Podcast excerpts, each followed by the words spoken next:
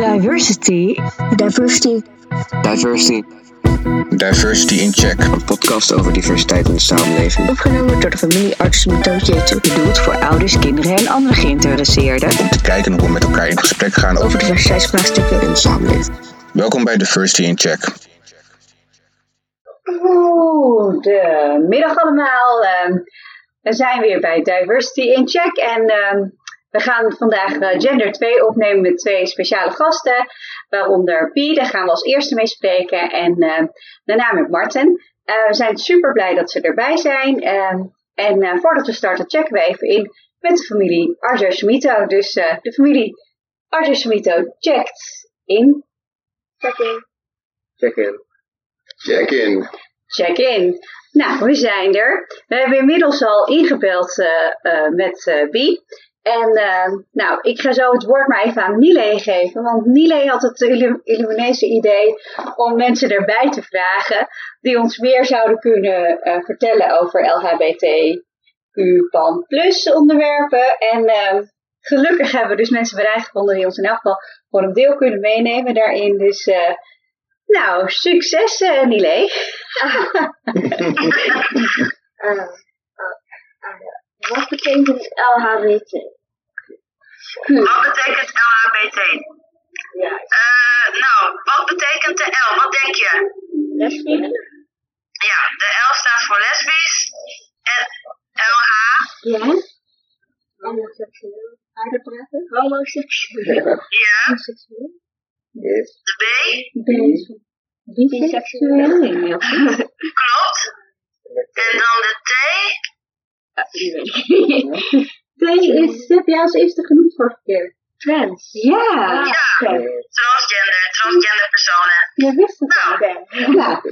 ja, hij weet meer dan dat hij dacht. ja, heel goed, heel goed. Ja. En had je daar nog vragen? Want je had de vorige keer dat vraag. Ja. Ja, ik weet nog, Nile die had vorige keer aan mij gevraagd van hoe weten mensen nou dat ze eh, homoseksueel zijn of lesbisch of dat soort dingen. En toen vroeg ik aan hem, hoe wist jij het? Hoe wist jij wat jij... En weet jij nog wat jij had geantwoord? Weet je het niet meer? Nee. Weet jij nog wat je had geantwoord? Ik dacht, ja, het is gewoon een gevoel wat je hebt. Dat je op, dat geslacht deel, of op dat geslacht was. Ik ga het gelijk weten. Arm. Dus, dus we, we zeiden van voordat we allemaal vragen gaan stellen, moeten we onszelf die vragen ook nog af, afvragen. Maar toen had Nile wel zoiets van, maar ik zou het wel fijn vinden om nog met iemand te spreken die er meer over weet. En ik dacht, ehm, misschien kan Bie zelf iets vertellen over haar ze- of over zichzelf. Ja. Zie, ik corrigeer mezelf. Over zichzelf. Oké, dat kan ik wel. Want in principe ben ik twee keer uit de kast gekomen. De eerste keer was toen ik 21 jaar was. Ik ben nu 48. Dus dat is al een tijdje geleden. 27 jaar ben ik zeg maar uit de kast. En hoe wist ik dat ik anders was? Dat wist ik omdat, eh, nou ja, ik, ik groeide op in eh, Spoorwijk. Dat is eh, vlakbij Laakpad hier in Den Haag. En ik, ik denk dat ik, nou, het was al best wel vroeg. Ik denk op de basisschool. Op de basisschool zag ik, nou ja, hè, je hebt typisch jongensdingen en typisch meisjesdingen. En ik kon gewoon niet met die typisch meisjesdingen. Ik dacht, is niks voor mij. ik, ik, ik, ik, hield, ik was eh, sowieso sportief. Ik hield van sport. Ik kon heel goed voetballen. Daardoor kon ik goed met jongens opschieten eigenlijk. Maar ik, ik, in eerste instantie dacht ik gewoon, nou ja, ik kan voetballen en that's it. En op een gegeven moment was ik denk ik, eh, nou, een jaar of tien of zo. Dat ik dacht van, hé, hey, ik heb een eh, hele leuke juffrouw. En eh, ik, was een beetje gek op mijn juffrouw. Eh, dus dat was denk ik het eerste moment dat ik achteraf dacht van, hé, hey, dat was een red flag. Dat was een teken. En toen ging ik, eh, werd ik ouder en toen kwamen, weet je, zat ik, eh, zat ik in groep 8 en dan kwamen er vriendinnetjes naar mij toe en die stelden allerlei vragen over jongens op wie ze verliefd waren.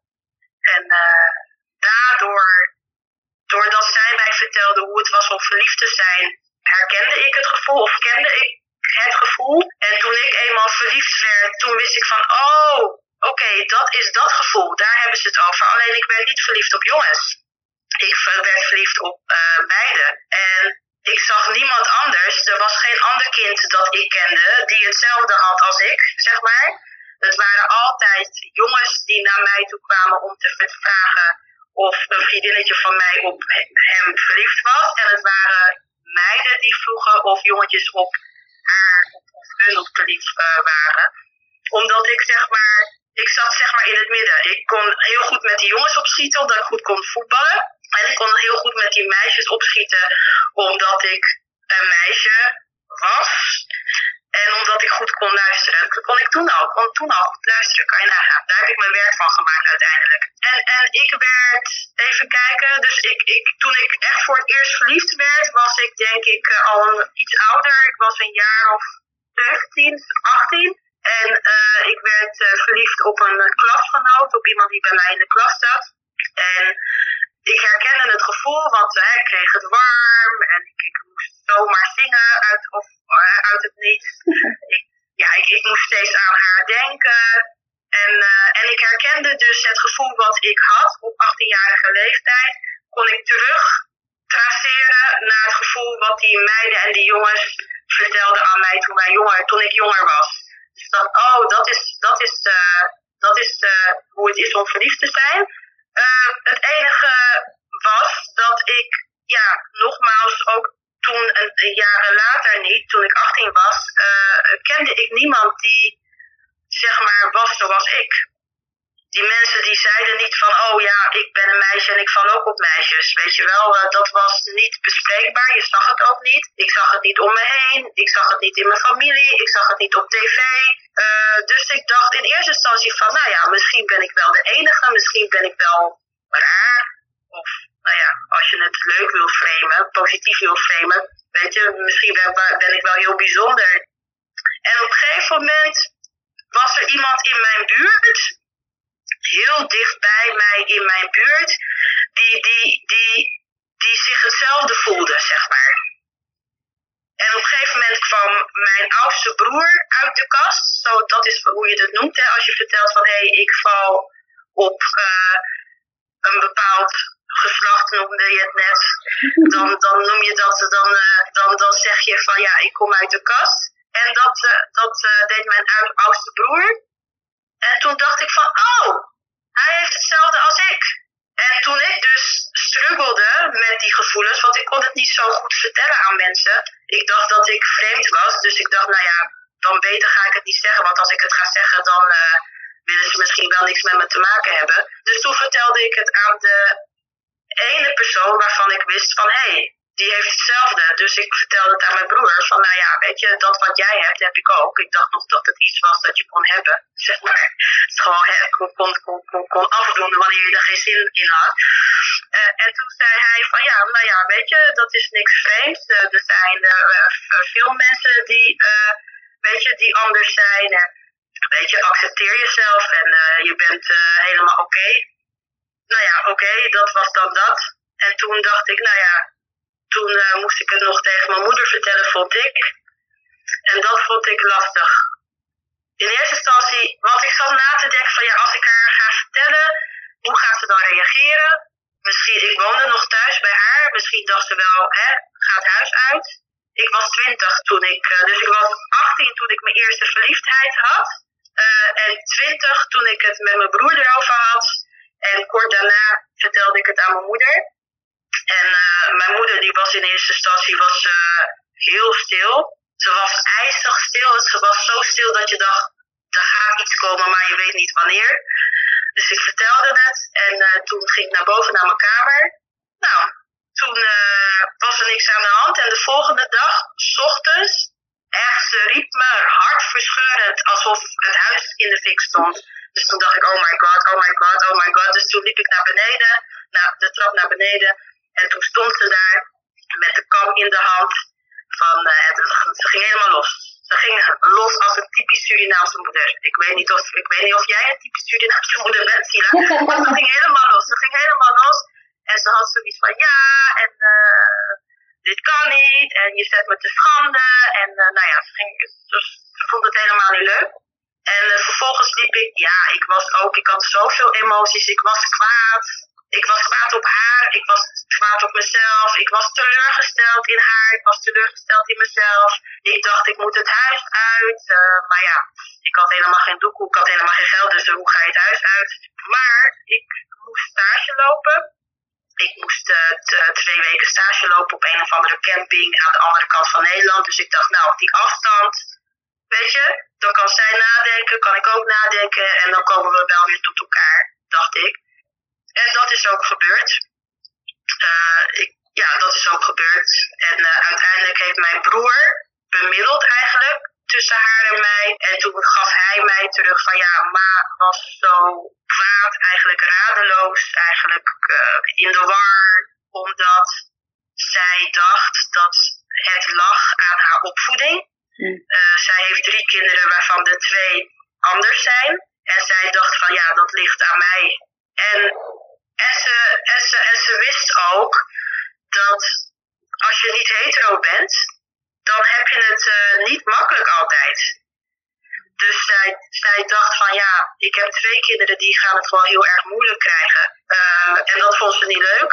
Plus had ze ook zoiets van ja, wat gaan mensen niet zeggen, weet je wel. Want dat is ook een ding. Mensen maken zich druk over wat mensen gaan zeggen. En uiteindelijk, en dat duurde nog niet eens, dat duurde niet eens heel lang, ik denk misschien een maand of twee maandjes. Toen, eh, nou ja, toen, toen liet ze me mer- merken dat ze, weet je, dat ze oké was. Ze moest even, had even de tijd nodig om te wennen.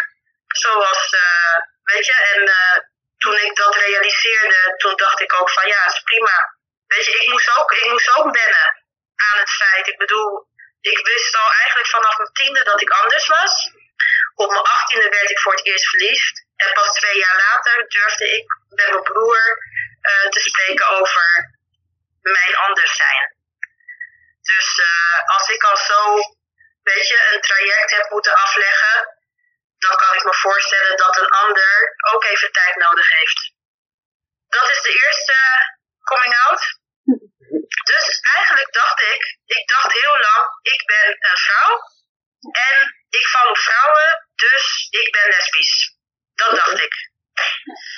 En toen eigenlijk, denk ik een jaar of twee geleden, toen, nou, drie jaar geleden eigenlijk, een jaar of drie geleden, kwam ik, ik, ik werkte met jongeren. Ik, eh, ik heb onder andere de Hangout eh, opgericht. De Hangout eh, is een, is een organisatie waar jongeren die niet hetero zijn bij elkaar kunnen komen. Om eh, met elkaar te praten, om eh, activiteiten te doen. Gewoon een soort van supportgroep. En jongeren zijn echt. Jongeren zijn, ik hou van jongeren. Jongeren zijn, eh, zijn slim, ze zijn creatief. Ze, ze, durven, ze durven hokjes om te gooien. Hè? Niet standaard te denken, maar gewoon anders. En doordat ik met die jongeren werkte, kwam ik eigenlijk in contact met, ja, met, bepaalde, met een bepaald gevoel, met een bepaald begrip waarvan ik dacht van ja, volgens mij eh, past dat ook bij mij. Nou, en wat is dat dan? Dus we hebben het net gehad over de L, de H, de B en de T, toch? Ja. Eh, en met name de L, de H en de B, dat gaat over seksuele identiteit. Dat gaat over van, nou, wie vind jij leuk? Op wie kan je verliefd worden? En ik wist dat, hè. Ik word verliefd op vrouwen.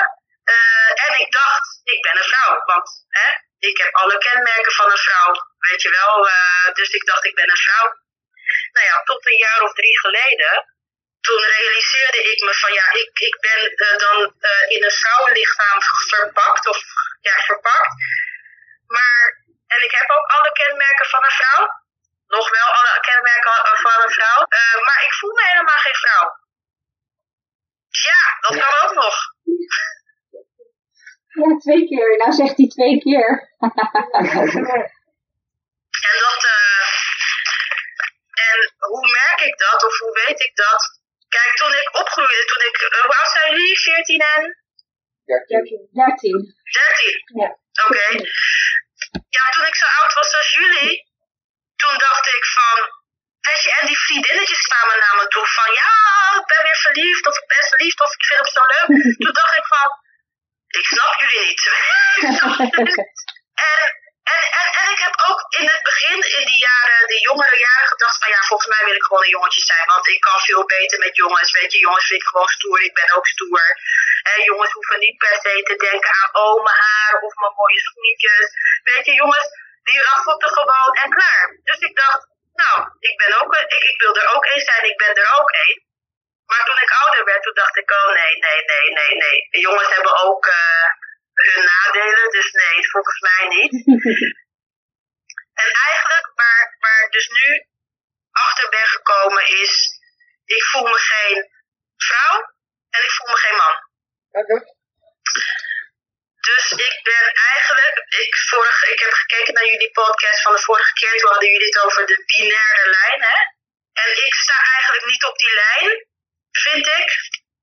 Want ja, Ja. ik, ik, ik- ja, ik, ik weet niet, ik, ik, voel, ik, voel me, dat- ik, voel, ik, voel niet, eh, ik voel me niet zo. Nee, dat klopt. En dat, dat, dat, dat heb je natuurlijk al ook wel eens een keertje tegen me gezegd. Maar dat was eigenlijk dat je eigenlijk iedereen om je heen ook weer daarin mee probeert te nemen van ik voel me niet zo. En dat lijkt me ook nog best wel een, eh, een ding, denk ik. Ja, dat is best een dingetje. Ja, omdat je gewoon nu ook alweer 48 bent, Ja, weet je wel. En kan je iets vertellen over hoe dat is gegaan? Of hoe je dat doet? over hoe ik eh, mensen meeneem of wat, wat er... ja, hoe je mensen meeneemt in, in, nou, ik pas niet zo in dat hele binaire. Ik voel me daar niet in thuis. En ik weet wel dat je actief er iets aan hebt gedaan met je naam. Wat heel verhelderend is, denk ik. Maar eh, ehm, ik weet ook hoe je tegen mij hebt gezegd. En ik dacht van, nou, heel goed, prima, gaan we gewoon aan werken met z'n allen. Gaan we, gaan we ons best maar doen om dat eh, goed te krijgen samen. Maar ik kan me ook voorstellen dat, eh, ja, dan heb je al die eerste coming out gehad. Dan identificeer je je met dat je lesbisch bent, zelf ook. Ja, Eh, en iedereen om je heen ook.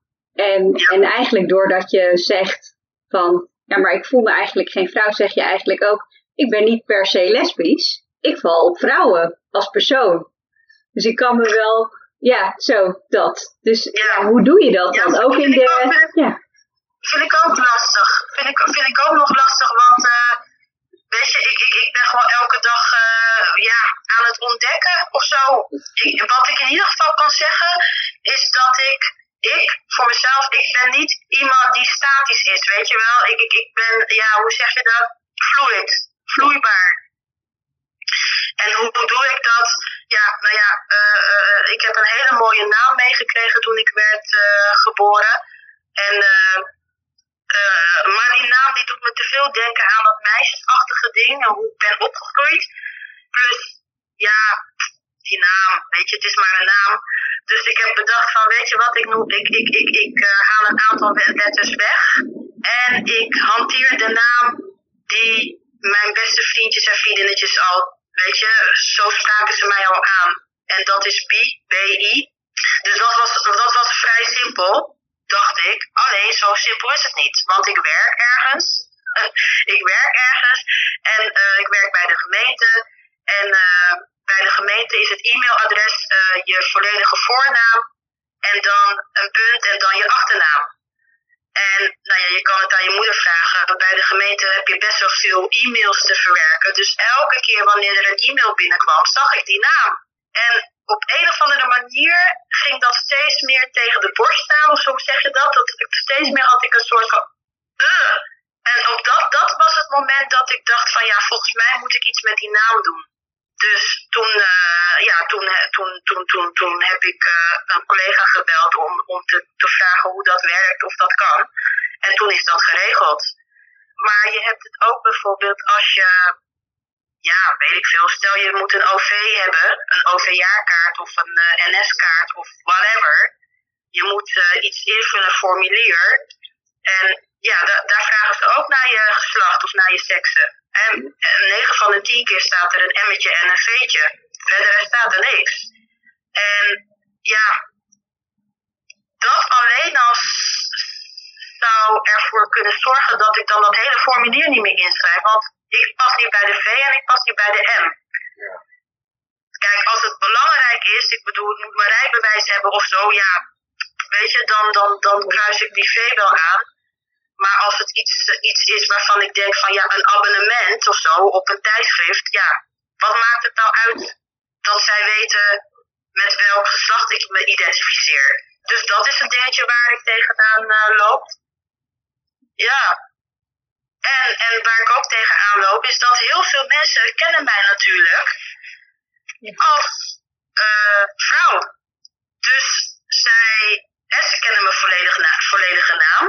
Dus zij noemen me bij mijn volledige naam. En als zij aan mij refereren, dan zeggen zij zij of haar. En dat zij of haar, hè, voor jongens is het eh, hem en, en zijn. Ja, dat, gaat, dat vind ik ook steeds lastiger om dat te horen. En nu heb je wel Nederlandse woorden hoor, eh, vervangende woorden. Je hebt hen en hun.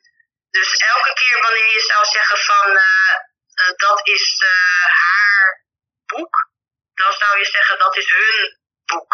Alleen dat is ook lastig. Ik vind dat zelf ook lastig om hen en hun te gebruiken. Dus elke keer als je zegt bijvoorbeeld hij is Surinaams, dan zou je zeggen als je het over mij zou hebben, zou je zeggen hen is Surinaams. Het is lastig, dat vind ik zelf ook lastig. Maar ik denk wel dat ik binnenkort eh, die twee voornamen ga aannemen. Ja, want ik merkte het net zelf ook. Ik refereerde naar misschien kan je over vertellen. Zei ik echt zij, toen corrigeerde ik mezelf. Misschien kan jij jezelf. En dan probeer ik het te ontwijken. Dat is zeg maar mijn eigen strategie. Om dan te zeggen, of misschien kan wie zelf iets erover vertellen. Dan, hoef, dan ontwijk ik ook ze, zij en eh nou ja, Ja, dat. ja dat is de Maar- ontwijk. eh, Ja, dat is gewoon ontwijken. Ja, ja, ja, ja, ja. Want dan ga ik gewoon in de derde persoon. Ik van, misschien kan wie zichzelf, eh, weet je wel zo. Dus Ja. dan ben je zelf ook erg aan het zoeken. En dat komt natuurlijk omdat we allemaal, wij allemaal, jij, ik, de jongens, wij, eh, allemaal op een bepaalde manier zijn grootgebracht. Ja, Met al die termen. En eh, die staan niet los van ons allemaal. Dus dat betekent dat we allemaal moeten bewegen. eh, ja. oh, hè, om, om daaruit te, te bewegen en te zeggen, oké, wat is comfortabel voor ons allemaal? Nou, weet je, ik zal je, ik zal je vertellen, ik, ik, eh, dat hen en hun vind ik, vind ik zelf lastig. Ja. Maar ik ben tot de ontdekking gekomen dat ik dat in principe over mezelf niet hoef te zeggen. Het zijn andere mensen die over mij praten, die moeten rekening houden met hen en hun. Dus wat mij betreft is voor mij is het makkelijk in principe. Maar laatst was ik thuis aan het werk en mijn partner was ook thuis. En, en zij was aan het praten over mij. En zij gebruikte de hele tijd zij, haar, haar, zij. En toen werd ik echt. Toen dacht ik, oh mijn god, nee. toen werd ik echt een beetje gek eigenlijk. Ehm, dus, maar dus in principe heeft de persoon zelf eh, daar geen last van. Want 9 van de 10 keer wordt er over een persoon gesproken wanneer die persoon er niet is. Hmm. Het is de ander, dus het is jij, het, is, het zijn jullie. Als, als wij straks, eh, we zijn klaar en je hebt het er nog eens over, dan, worden jullie uitgedaagd om het te hebben over hen en hun.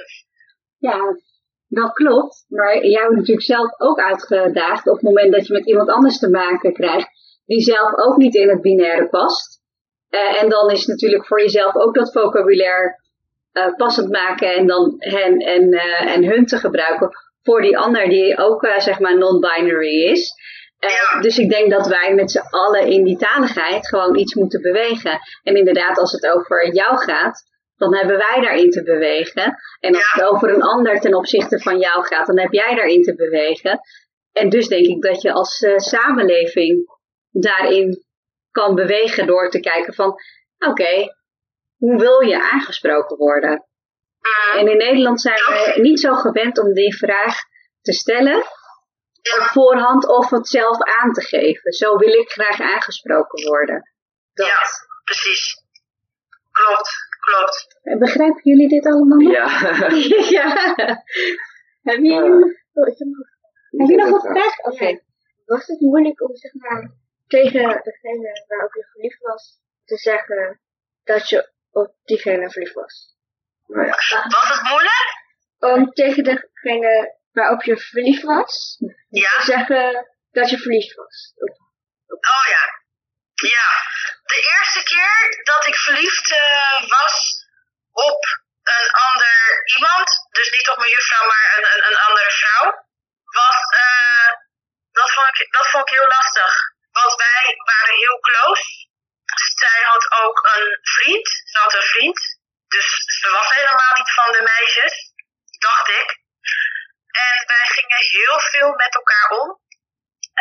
En ik, weet je, ik heb echt destijds, dat is al jaren geleden, eh, vaak geprobeerd om een opening te zoeken, om, weet je, om, om, het, om, om het te zeggen. Maar ik slikte eigenlijk elke keer weer de woorden in, omdat ik gewoon bang was voor afwijzing. Weet je wel, ik was gewoon bang dat ze zou zeggen, get the hell out of here, weet je wel. Eh, ik wil niks meer met je te maken hebben. na. En, en we hadden een hele hechte vriendschap. Dus ik ging op een gegeven moment ja, denken van oké, wat vind ik meer waard? Het feit dat ik tegen haar zeg dat ik verliefd op haar ben. En eh, met het mogelijke gevolg dat ik haar kwijtraak. Of ik probeer dat verliefde gevoel gewoon te onderdrukken, weg te duwen. En dan kan ik genieten van die vriendschap. Dus dat heb ik eigenlijk een jaar volgehouden. Om een jaar. Totdat eh, eigenlijk mijn schoolwerk ging op achteruit. Ik kon me niet meer concentreren. Ik, ik zat in het examenjaar, ik kon me niet concentreren. En eh, volgens mij ben ik ook wel blijven zitten. En toen dacht ik van nee, ik, ik, ik moet het eh, vertellen. Dus toen zaten we een keer op de bank. En zij zat tegenover me. En ik, ja, ik zat echt een beetje, weet je, te wachten. Wanneer ga ik het nou zeggen? Wanneer ga ik het nou zeggen? En toen kwam ze naast me zitten. Want ze vroeg of ik, eh, weet ik veel, een bracelet dingetje iets kon doen. Dus dat deed ik.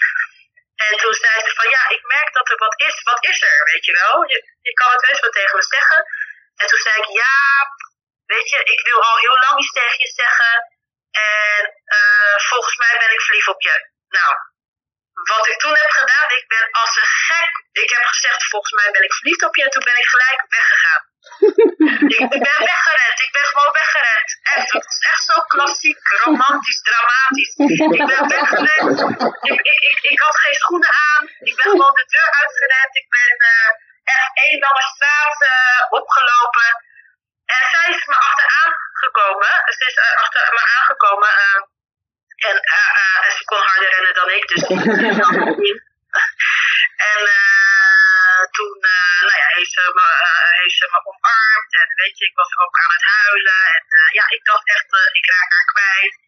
Mee, weer mee naar binnen genomen. En toen nou ja, heeft ze verteld, of tenminste heeft ze ge- gevraagd oké, wat, wat is er nou precies aan de hand? En, nou ja, en tot mijn verbazing zei ze van nou, as a matter of fact, ik vind jou eigenlijk ook wel heel leuk. Nou, en toen wilde ik weer bijna wegrennen, maar toen hield ze me vast. Maar dit keer wegrennen van verbazing en van ongelooflijkheid en van, huh? Nou ja, en uiteindelijk hebben we een jaar of zes eh, een ja, relatie gehad. Zo. Lijkt wel een Bollywood film. Ja man! ja, ja, ja. En daarna werd het makkelijker om aan te geven of ik verliefd was of niet. Ja. Maar eh, omdat je die vraag stelde, Nille, ben je op iemand verliefd of zo?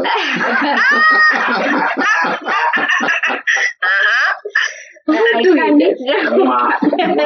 Hij gaat niet zeggen op wie. Nee, maar is het, is het misschien belangrijk dat, eh, dat het verhaal van hoe je iemand vertelt omdat je verliefd op deze persoon bent, is dat misschien, geeft het jou misschien moed om het ooit een keer te gaan zeggen, denk ik. Ja, en ook wegrennen toch? Want, want ik weet, ik weet dat, dat Nisha al verteld heeft dat hij op die, persoon verliefd is, maar je hebt, je hebt nog nooit aan iemand laten weten. Oh, oh oké. maar je hebt nog nooit iemand laten weten of, dat, je, dat je verliefd op zo'n persoon bent. En denk je dat dat heel anders is? Want, want eh, nu vertelt Bie het. Van nou, zo was het voor mij. Maar denk je dat het voor jou, omdat je, omdat je zelf dan hetero bent, dan anders is? Ja, want zeg maar, het is moeilijker om zeg maar bi of trans, weet ik veel, maakt niet uit, te, te zijn. Ja. Ja. Om, omdat zeg maar, Je weet niet wie het zelf is, zeg maar. misschien anders naar je, kijken, naar je gaan kijken als je dat Ja. vertelt. Ja. Ja, Dus in dat opzicht is het wel een groter verschil. ja, Want, want je weet niet zeker hoe anderen erop gaan reageren, omdat ze dat misschien niet als normaal zien. ja. En als ze hetzelfde voelen voor jou. Als, jij Oh ja, voor hen. zeg jij nog een keer?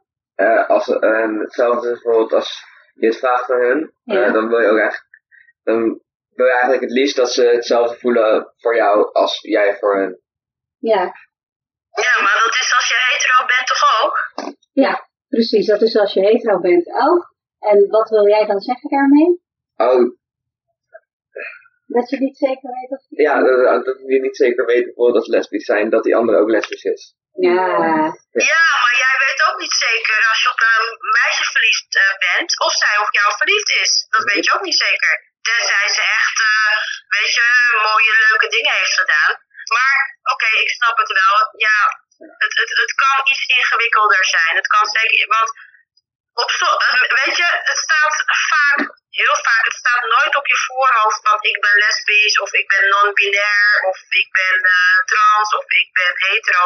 Het staat niet op je voorhoofd. Je, je, je, je kan het niet zien, weet je, je kan het niet, ja, dus het is altijd een gamble, het is altijd een gok.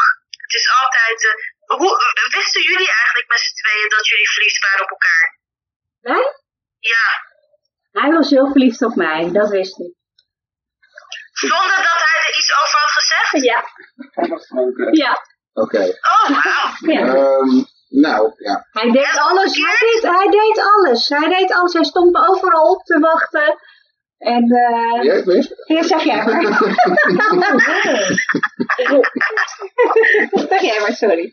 Ja, Bij mij gaat om, eh, bij mij eh, was het zo dat eh, ik dacht heel vaak aan haar. En, eh, dat is de eerste keer dat ik haar had, had, had gezien. eh, wat ik had gezien was, eh, was een feest, een schoolfeest. En eh, sindsdien, sinds ik haar dus daar heb, had ontmoet, ja, was het alleen maar eh 100% gedachte over haar en, en, en, en samen en wat kunnen we, hoe gaat het eruit zien en ja, ik weet niet, het was, het was echt een, eh, een ja, je, je hoofd staat gewoon, vol over, over gedachten met de ander natuurlijk en, en meer kon ik, kon ik eigenlijk niet doen. En eenmaal als je, als je haar ziet, de eerste keer sindsdien, weet je, dan denk je van, goh, zal ik haar aanspreken? Maar dan loop je, dan denk je van nee, dan, dan loop je weg. En, maar je voelt je, je voelt je gewoon ineens vrolijk. De, de, de, de dag ziet er wat, wat, wat brighter uit. En eh, je, ziet, je merkt details op de straat die je nooit eerder hebt gezien. En, en, en bloemetjes ergens in een, in een hoek van de straat die aan het groeien zijn. Of, of, of eh, eh, je geur, je ruikt van dingen. Ja? Wat was dan het moment dat je dacht, of dat je triggerde, van oké, nu ga ik, ik weet dat wat ik voor haar voel, maar nu, nu ga ik het met haar delen. Ja. Wat zou ik zeggen? Nou, het was volgens mij, het, het, het kwam in drieën. Dus eh, het eerste moment was toen ik uh, nou ja, uh, eigenlijk werd gelopen in de, in de spoortunnel. Dat is eigenlijk de tunnel die uh, de andere kant van het Centraal Hollands Spoor verbindt, ver, verbindt met de Haagse Hogeschool. En ik liep naar, of ik liep naar uh, school en zij liep naar de, naar de, naar de tramkant van de Haagse van de, van uh. En uh, ik zag haar, ja, ik herkende haar gelijk, want oh, ja, die, die, nou, ik kan niet uitleggen. maar ik zag, ik zag haar lopen en ik dacht van wauw, dat is er. Dus oké, verder, de tweede keer was...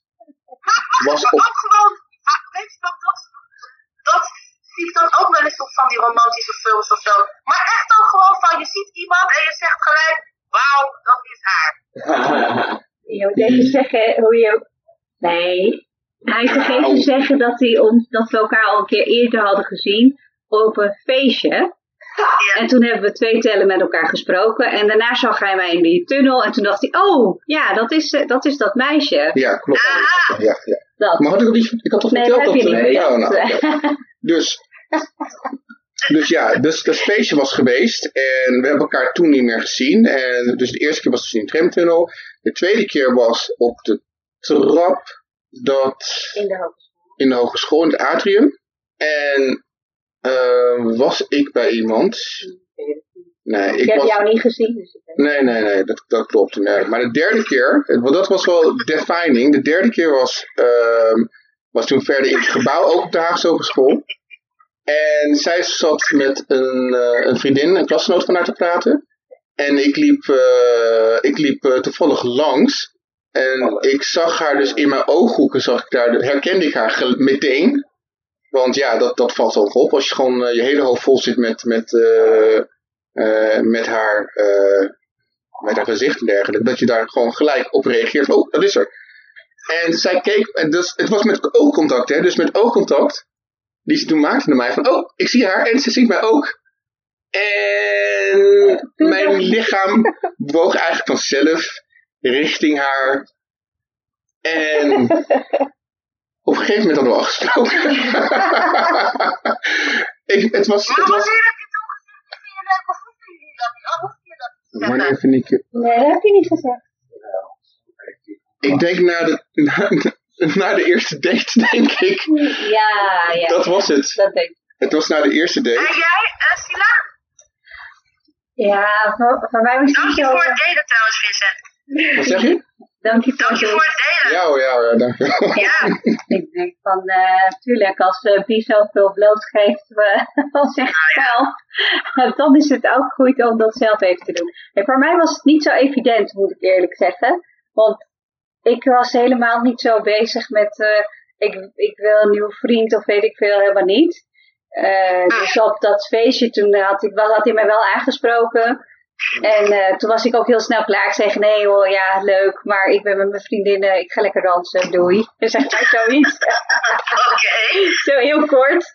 En, uh, en ik wist ook niet dat hij me al een paar keer had, al, al had gezien of zo. Dat wist ik helemaal niet. Uh, dus de eerste keer dat ik hem zag, was voor hem al de derde keer of zo dat hij me al had gezien. Maar niet had aangesproken.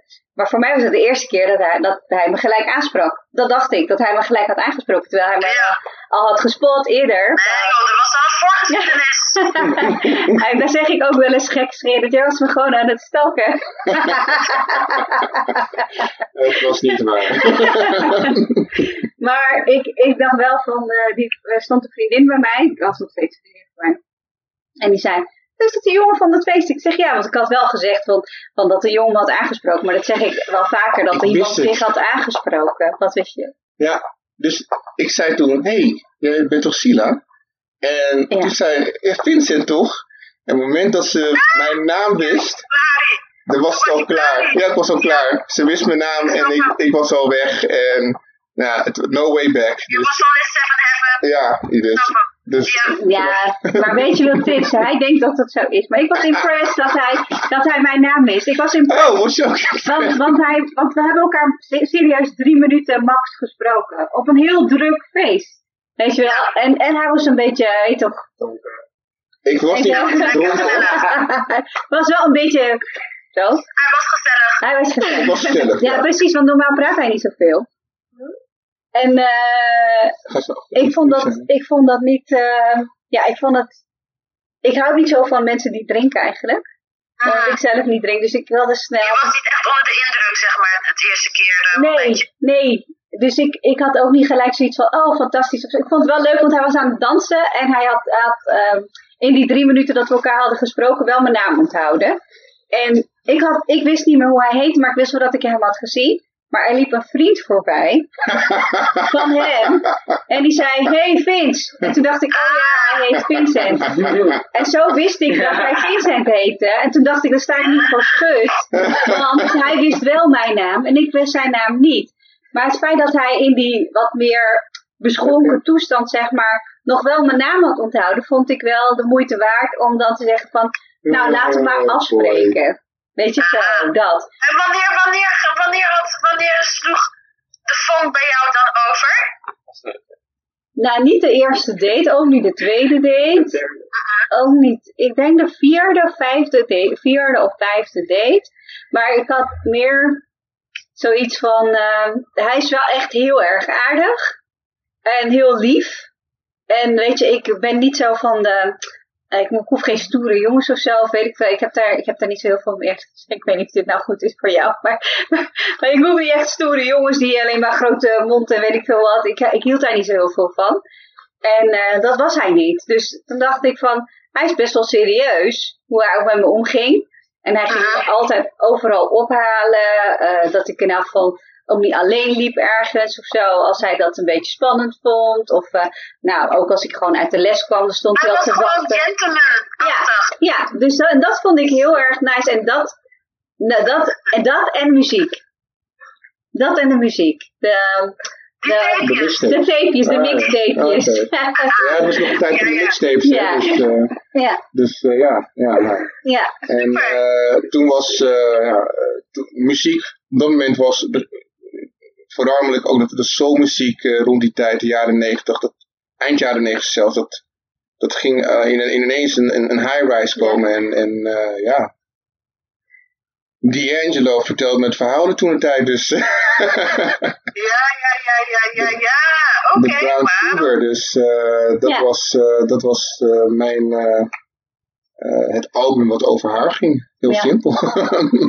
ja, zo zei hij dat. Hij zei van dat uh, zijn Walkman gegeven en daarop zat een bandje. En toen zei hij van, al deze liedjes gaan over jou. dat vond ik heel leuk. Echt romantisch, man. Ook een Bollywoodfilm. Wauw. Dus, dus zo doe je dat. Hoe ging je tweede date dan? De eerste. Je hoeft niet te weten. Oké, Dat- maar, maar- nee, maar oké, maar ik kan wel zeggen, waar was onze eerste date? Waar was het de eerste date? Ja? Oh, waarom? Uh-oh. Bij plas toch? Nee. Of niet bij de plas? In de bibliotheek. In de piep? Ah joh. Ja, joh. in de piep van de Haagse Hogeschool. Nou dat vond ik veilig. Oh, op zo'n manier. Je vond het veilig. Oh. Oké. Kijk, Nou, vooruit. Veiligheid is ook belangrijk. Dat is, is heel is belangrijk. heel belangrijk, ja. Nou ja, Zeker ook voor LHBT-mensen is Ja. dat belangrijk trouwens. Ja toch? Ja. Ja, en ik vond het voor mezelf als meisje uit een dorpje ook belangrijk. Ik dacht van, ik weet niet hoe die stadsementen zijn. En eh, ik weet je wel goed, ken ik die stad ook eigenlijk helemaal niet. Dus eh, eh, ik ga gewoon lekker eh, in de bibliotheek afspreken. Ja. dat is een goede plek. En daarna zijn we wel echt op date gegaan. Wat meer. In elk geval wat je met studentenbudget kan doen. Dat ook nog. Ja. Dat. Dus zo. Ja. Aha. Maar ja, het, kijk, wat, wat, wat dus, eh, wat ik eigenlijk eh, eh, gewoon herken uit hoe, je, hoe jij je, je liefdesconfessie hebt gedaan en hoe ik dat gedaan heb. Het gaat namelijk wel om het gevoel. En het gevoel is gewoon bij allebei, in ons geval is dat gewoon hetzelfde. Je, ja, je hart gaat tekeer, je buik eh, gaat- wordt binnenste buiten gedraaid. eh, en je hoofd zit vol, vol met gedachten. Eh, het is eigenlijk gewoon helemaal niets anders dan, dan normaal eigenlijk, toch? Of, eh, ja, toch? Weet niet, maar hebben die jongens, we- weten ze het al? Weten ze al? Hebben jullie, ja, verliefd zijn, dat gevoel? Ja. Oké, oké, oké, helemaal oké. niet, niet, niet En anders jij zijn. ook zo? Ja. Genoeg. Genoeg. Genoeg. Oh, Oké. ik ben heel benieuwd. Ja, wil je er iets over Ja, zeggen? ja. Nee, jawel. Hoeft niet, je hoeft niks te Ik niks zeggen. zeggen. Oh. Nee, hoeft niet. Ja, hoeveel, hoeveel relaties... Nee, hou jij zeg lekker op. Eh, eh, Zeg jij zelf maar. zeg maar, waar- hoe jij het vindt om verliefd te zijn. Weet ik niet. Je- Nou, je weet het wel. Je vertelt het mij. Echt? Wanneer heb je verteld? Vertel maar niet. Wat weet Je weet toch dat je, wanneer jij verliefd bent? Ja.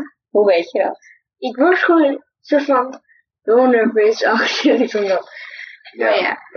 En wat zei je laatst? Heel erg awkward. Oh ja, het wordt gewoon... Want...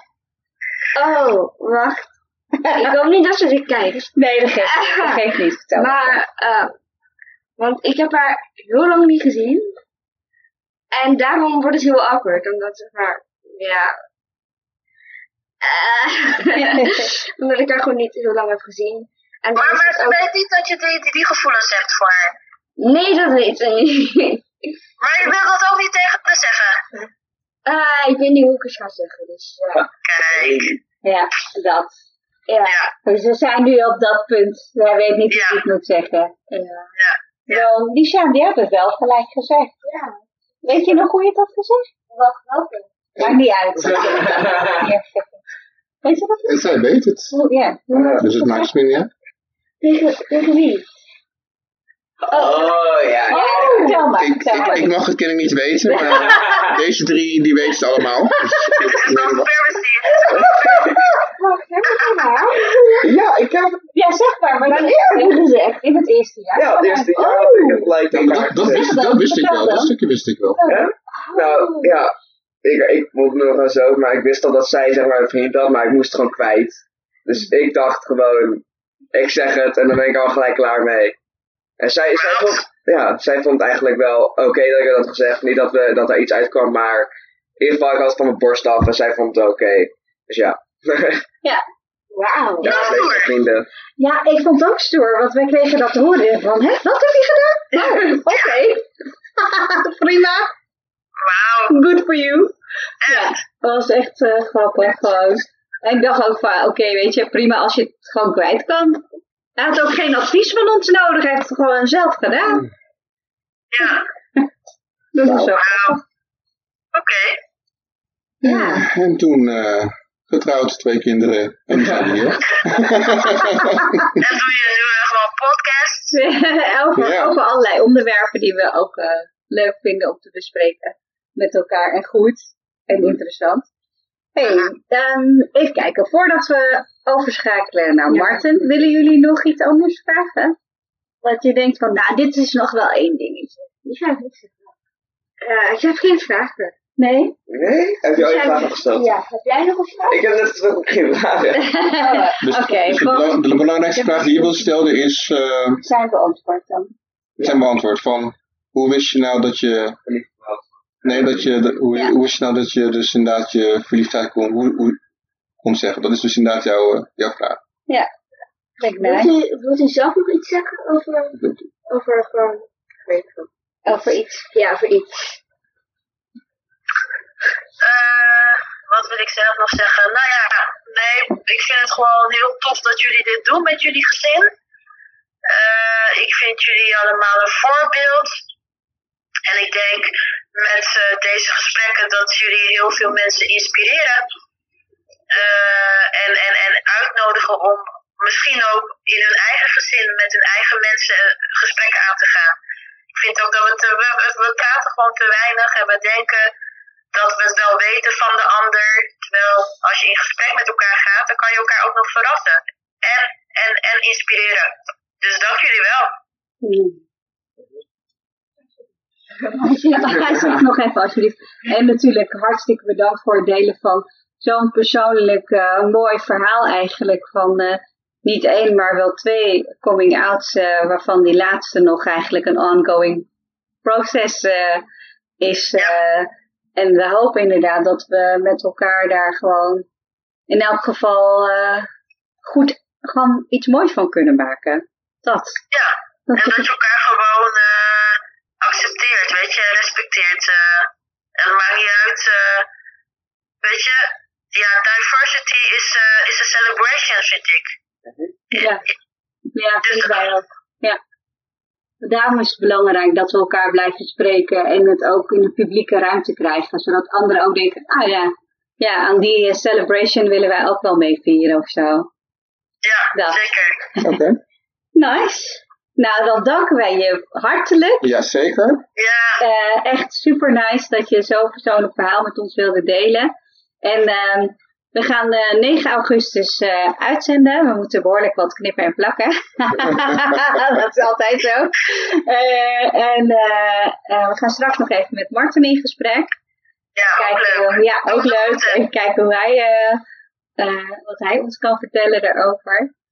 En eh, voor nu, eh, tot snel, want wij zien elkaar sowieso morgen. Dus Oh. Tot snel.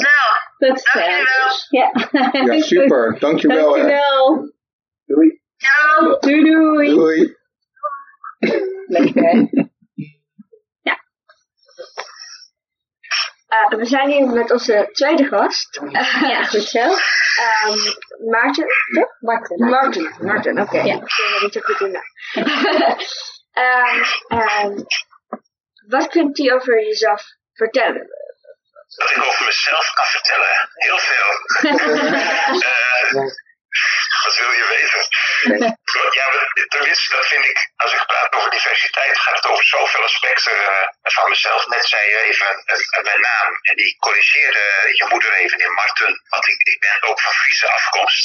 Dus daar zit iets gemeenschappelijks in. Dus weer van Friese afkomst, ik woon in Amsterdam, 45 jaar. Ik ben eh, net eh, 65 geworden, dus richting pensioen aan het gaan. Wat toch wel een heel belangrijk moment in het leven is. Eh, en ik, eh, ik werk al heel lang op het gebied van diversiteit. Eh, onder andere seksuele en gender, maar verbonden ook met etnische en levensbeschouwelijke diversiteit. Dus voor mij is dat een samenraapsel van, van allerlei verschillende dingen. Ik heb net eh, een, een programma gehost in het kader van de Pride Amsterdam met een aantal LHBT-vluchtelingen. eh, waar het onder andere ook over gender ging en dan ook vooral het, het gender, hoe dat in, in eh, de landen wordt bekeken waar de mensen vandaan vluchten en ook hoe het dan hier weer is. Nou ja, dus, dus op dat soort gebieden ben ik bezig. Ehm, hoe wist u dat u niet op bijvoorbeeld vrouwen of mannen viel? Of iets in de richting? ik weet Ja? niet. Ja. Ehm, nou, het is best, best een, een, een raar proces geweest achteraf. Eh, kijk, eh, achteraf bezien eh, denk ik dat ik als hele jonge jongen eigenlijk mannen en jongens wel leuk vond, maar geen idee had wat dat betekende. Weet je, ik zat uh, popartiesten, uh, ik zat naar voetballen te kijken en dan net iets langer naar sommige voetballers dan andere voetballers. En ik had toen de tijd waren de Bee Gees en een van de Bee Gees vond ik heel mooi. Rutger Hauer was toen bekend, Floris. Een hele mooie man. Weet je, dus ik, ik vond steeds mannen heel mooi. Ik had ook al wel plaatjes om, om mijn bed heen, posters van, van mannen en van vrouwen. Maar ik had altijd de wens, uh, dat weet ik nog heel goed, achteraf dat ik rond mijn tiende, elfde zei van ik wil kinderen. En dan wil ik samen met mijn vrouw kinderen opvoeden. Ik wil een part-time baan hebben. Uh, en dan wilde ik kinderen met een verstandelijke beperking, daar wilde ik les aan geven. En toen had ik al zoiets van, hé, maar dat vinden andere jongens gek. Uh, die willen piloot of, of, of politieagent. Of, en dat, ik wilde vader worden. Uh, en ik wilde part-time werken, want dat vond ik interessant om dan ook een kind mee op te voeden. En, dus dat was al heel jong. En ik, ik zeg altijd, het is voor mij meer uh, met gender ben ik heel erg in de, in de war geweest. Want ik vond jongens echt raar en, en, en stom en lomp. Uh, ik vond meisjes veel leuker. Daar kon je mensen mee praten. Dus toen, ja, toen op een gegeven moment kwam ik een meisje tegen. En ik dacht, nou dan gaan we hier maar verkering mee nemen. En dat was wel leuk. Uh, dat was op mijn negentiende. Ik had daarvoor ook wel eens met meisjes wat gezoend. Maar verder ging het nooit. Maar ik had wel altijd fantasieën over mannen en jongens. Maar ik wist niet wat dat was. En uh, toen op een gegeven moment toen uh, ging ik. nee, mijn broer die is homoseksueel en die kwam er vooruit. Die vertelde mijn ouders dat hij homoseksueel was. En toen moest ik echt ontzettend huilen. Ik heb een hele dag gehuild om, omdat ik waarschijnlijk zoiets had van, hé, hey, maar wat, wat gebeurt er nu en wat betekent dat voor mij?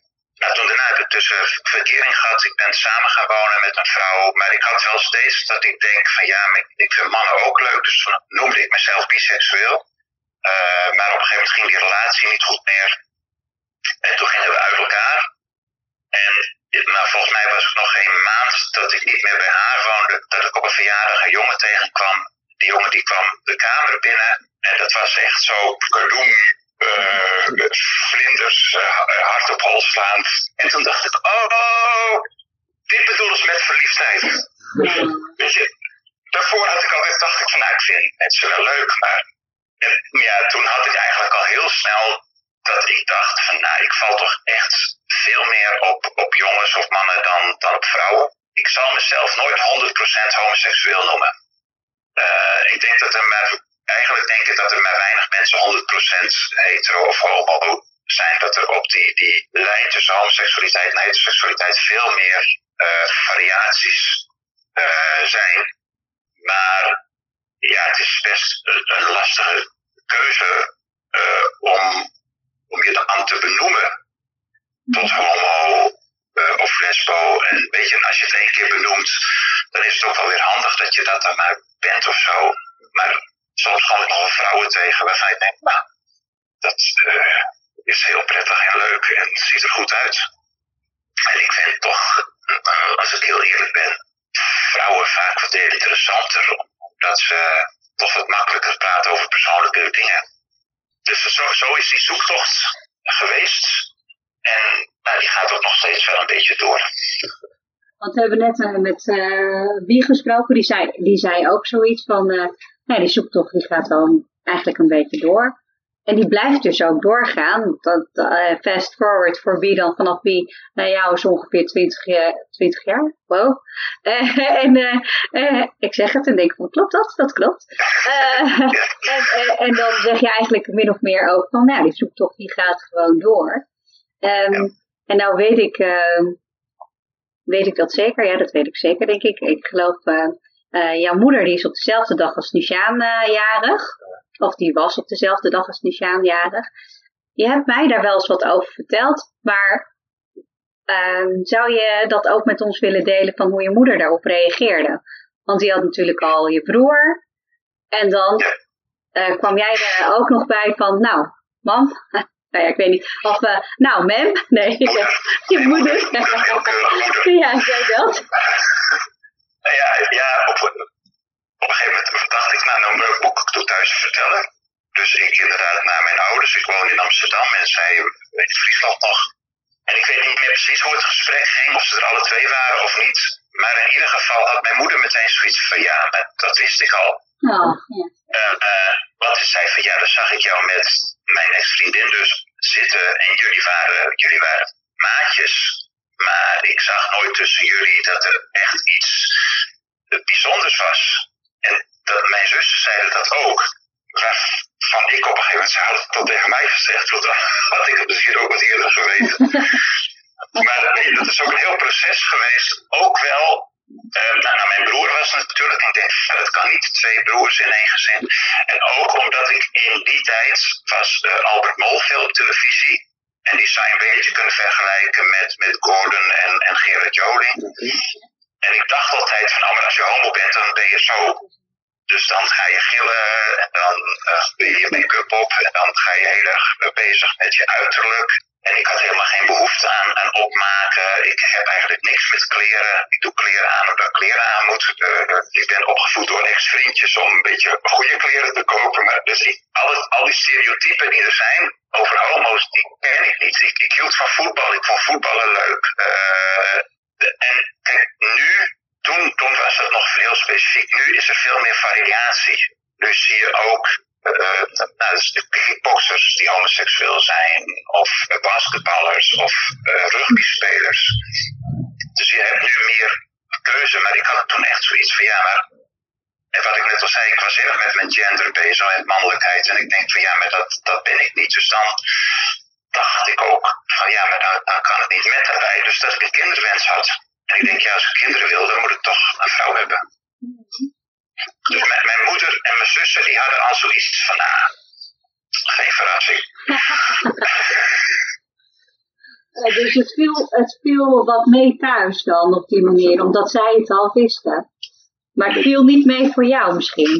Nee, de, de grootste struggle, ik heb, ik heb, de interne struggle is veel groter geweest en dat hoor ik van meer mensen dat je echt, en ik, dat is wel boeiend, ik heb een, nichtje, uh, de dochter van mijn zus, die is lesbisch, die heeft twee homoseksuele ooms. En ook zij heeft toch die struggle gehad van, ja maar, ben ik dat dan, wil ik dat dan? Uh, je, je, wordt toch een beetje eh, een, uitzondering. Dat is ook het eerste wat mijn moeder denk ik wel verder zei. Van ja, nou, het, wordt, kan wel lastig worden voor je. En dat, dat is het ook. Het is voor heel veel mensen toch lastig om, om buiten de boot te vallen. Om niet mee te doen met de jongens, niet mee te doen met de meiden. Dat, dat, dat was wel een beetje een struggle. Ja. Nou, ik, ehm, ik ben opgegroeid in, in, in, in een omgeving waarbij eigenlijk eh, niet wordt, wordt gekeken naar verder dan man en vrouw zijn, bij wijze van spreken. Of eh, hij vindt haar leuk en zij vindt hem leuk. En dat eh, zij op zij of hem op hem is, is iets wat sowieso eh, toen ik opgroeide gewoon niet, ja, eigenlijk niet, in, niet, niet opkwam. Eh, nu kan ik mij achteraf wel herinneren dat ik ooit in, eh, in de basisschool een klasgenoot had. eh, waarvan ik het vermoeden had. En later wel bleek van, goh, die is wel, eh, die kan toch komen die, eh, nou ja, wat ik toen de tijd niet echt eh jongenstrekjes eh, eh, had vernoemd. Maar met hem wel, met, wel met hem kon opschieten, omdat het gewoon ja, een toffe gast was met wie, met wie ik gewoon een klasgenoot was. Maar gaandeweg, nu je ouder wordt, meer weet over de wereld, zie je ook dat, dat, je, dat je zelf ook eigenlijk jezelf moet gaan, eh, wat is het woord, Ehm educaten, dus jezelf moet gaan, dat je meer moet gaan leren over, over, de, over het onderwerp. Eh, omdat ook deze mensen gewoon bestaan, en steeds meer en meer. Maar ik, ik zie gewoon dat ik echt best wel moeite heb om, om te kunnen eh, bedenken van hoe eh, je zo bijvoorbeeld zo iemand moet gaan aanspreken die zich niet bijvoorbeeld bij binair, als, als binair wordt, wordt, wordt herkend. Dan moet je ook nog eens een keertje denken aan je grammatica, van hoe je zo'n persoon moet aanspreken. Daar al zit bij van, al een, een blok van, oh wacht even, maar dit is niet wat ik geleerd heb vroeger op, op de basisschool. Weet je? En nu zelf eh, eh, ben ik, eh, ben ik zelf met, met de PABO begonnen. En daar zal je waarschijnlijk ook te maken hebben met leerlijnen die zich ook moeten, moeten vooral met betrekking tot wat je net zei over, zo, ik kom niet op over de term, maar bewustwording en eh, et cetera bij, bij, bij, bij kinderen, wat je ook, dat je daar ook moet gaan denken over, goh, hoe zou zo'n proces gaan voor iemand die zich inderdaad anders voelt dan andere, dan anderen eigenlijk. Eh, daar ben ik best benieuwd naar om, om, om ver te ontwikkelen. Nou, je hebt al wat verteld dat jij er al, eh, dat jij, hoe, jij in je ervaring daarmee bezig bent sowieso. Ik ben wel echt nog, nog zoekende om gewoon de juiste informatie te vinden sowieso. Dus wat zou je, wat zou je mij kunnen eh, aanraden om te zeggen, goh, waar zou je kunnen beginnen om, om in ieder geval die, die education te kunnen, kunnen, kunnen ophalen sowieso? Ja, je, je zei net al, het, het taal is, is best een ding. Ja. Eh, weet je, in, in taal en, en ook in non-verbale taal eh, zit al heel veel boodschappen. Kijk, in, in taal gewoon al een jongen vragen, heb je een vriendinnetje? In plaats van ben je al verliefd geweest? Ja. Eh, eh, weet je, heb je, heb je alles verliefde gevoelens? Ben je al eens intiem geweest met iemand anders? Om, om dat neutraal te vragen. En dat, dat, daar moeten we echt leren. Omdat we zo in de, de Jip en Janneke en, en Hans en Grietje en zijn opgevoed. Eh, dus dat, dat is ook een automatisme. Voor mij ook. Weet je, ik, ik moet daar ook steeds op letten. Ik ga er ook van eh, als ik iemand zie die, wat jij ook zegt, weet je, eh, binair is, waarvan ik denk, qua uiterlijk iemand in het hokje homo of hetero te kunnen stappen, dan. Terwijl ook daarin moet ik, heb laatst een heel mooi gesprek gehad met een jongen die vrij feminien is. En die zegt, ja, maar ik ben heteroseksueel, maar iedereen denkt dat ik homoseksueel ben. Dus mensen vragen mij altijd, of, of vullen al in dat ik homoseksueel ben, in plaats van dat de nieuwsgierigheid is van, goh, vertel eens wat meer. Dus ik denk dat die belangstelling van belangrijk is. En ik denk ook, uh, ik denk dat mensen ook uh, checken. Kan ik bij jou dingen vertellen? Dus zijn er manieren van taal, zijn er symbolen? Uh, weet je, bijvoorbeeld op een school, als daar al een regenboogvlag hangt, of als er in, in boeken ook jonge, jonge, meisje, meisje, of, of andere, dan, dan heb ik daar al een beetje een aanknopings punt om te denken, oh, als inderdaad een docent zegt van mijn partner, uh, dan denk ik, hé, hey, partner, uh, die heeft erover nagedacht. Mm. De, de, de, dat soort dingen, het, het is een, eh, hoe heet het ook alweer, een, een, een homo-herkenningstest. Eh, merk ik vaak dat ik doe. Eh, is het hier veilig? Heb ik hier een safe space voor mensen?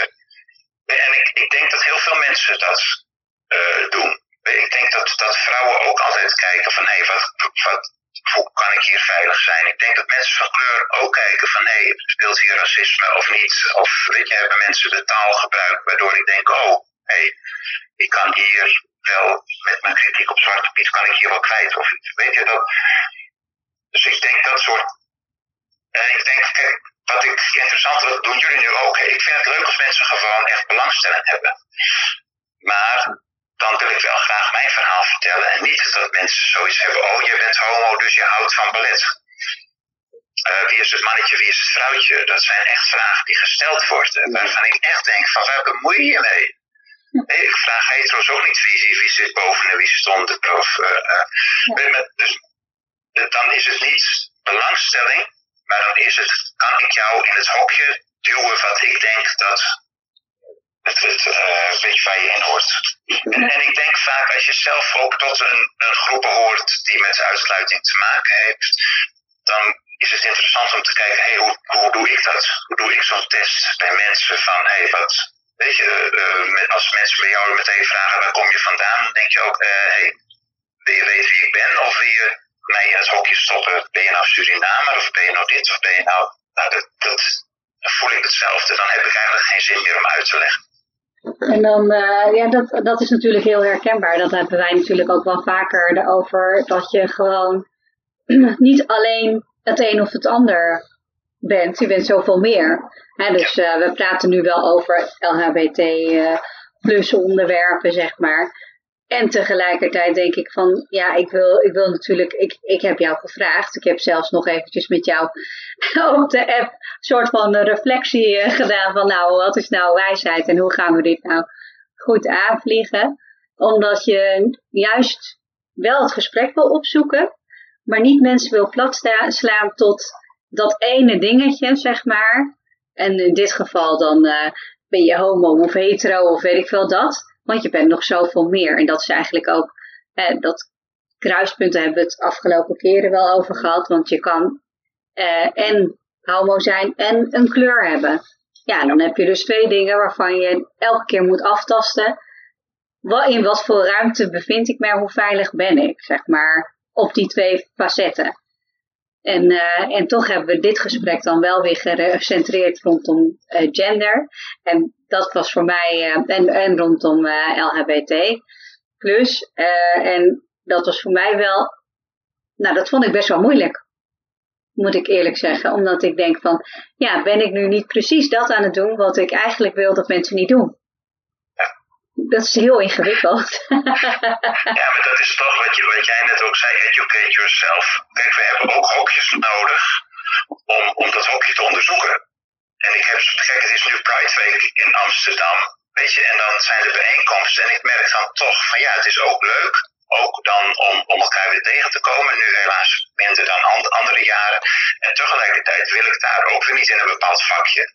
Ik, ik, was net met LHBT-vluchtelingen in gesprek. Dat vind ik interessant, omdat dat kruispunt dan van vluchteling en, etniciteit. En er staat ook een transpersoon bij. En, en, dan wordt het gesprek voor mij ook interessant, omdat het dan een combinatie van dingen is. En ook daarin heb ik gezegd van, goh, stel je eerst eens voor in, in wat je eigenlijk dan doet qua, werk of qua hobby. Uh, anders wordt het de vluchteling. Mm.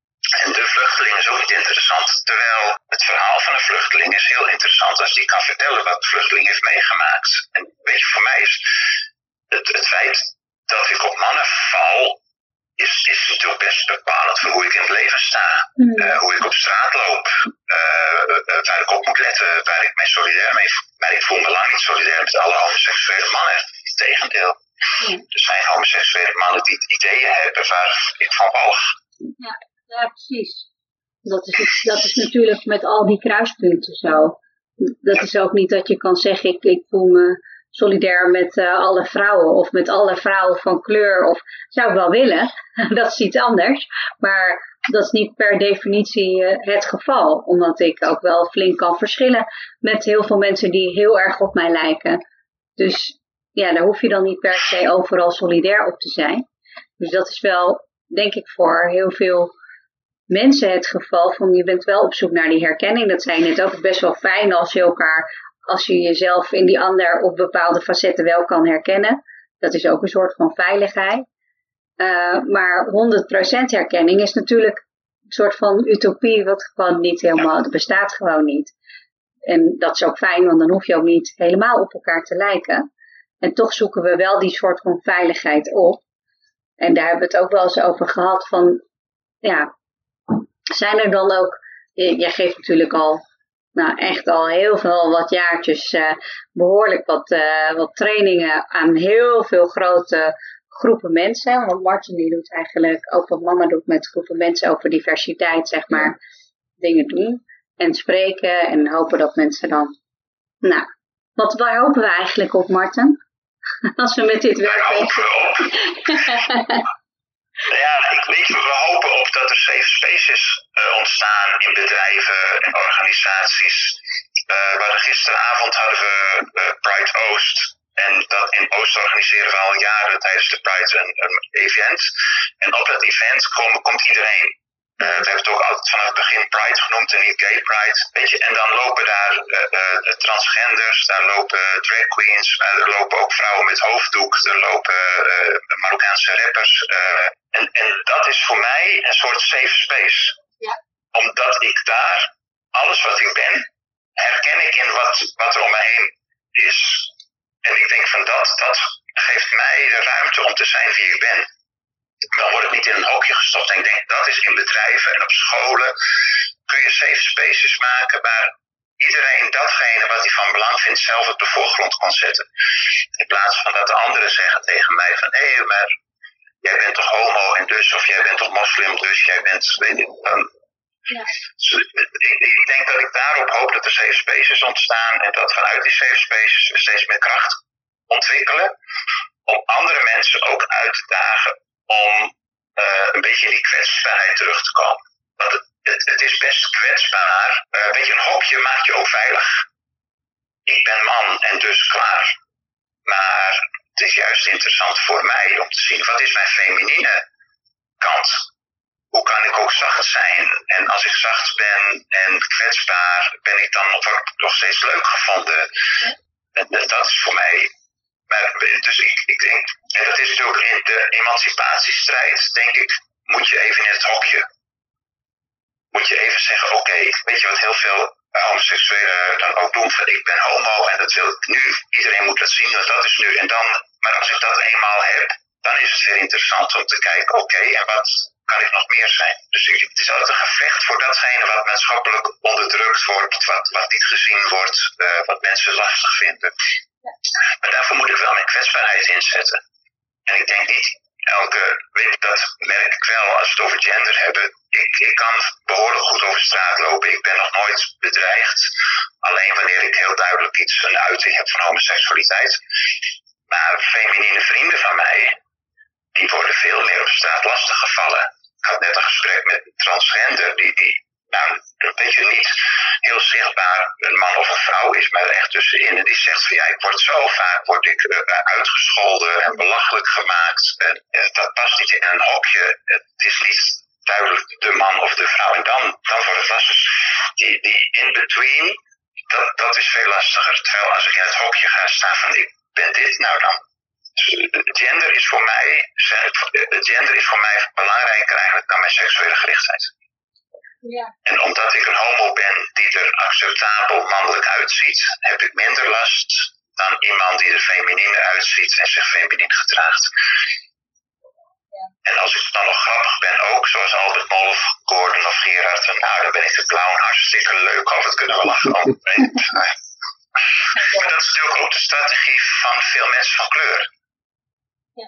Veel cabaretiers van kleur doen natuurlijk ook dat, dat extra om daarmee, weet je, of, of mensen die wat dik zijn. Dus heel veel mensen die iets hebben wat een beetje uitzonderlijk is, die hebben een, een, een mechanisme om daarmee om te gaan.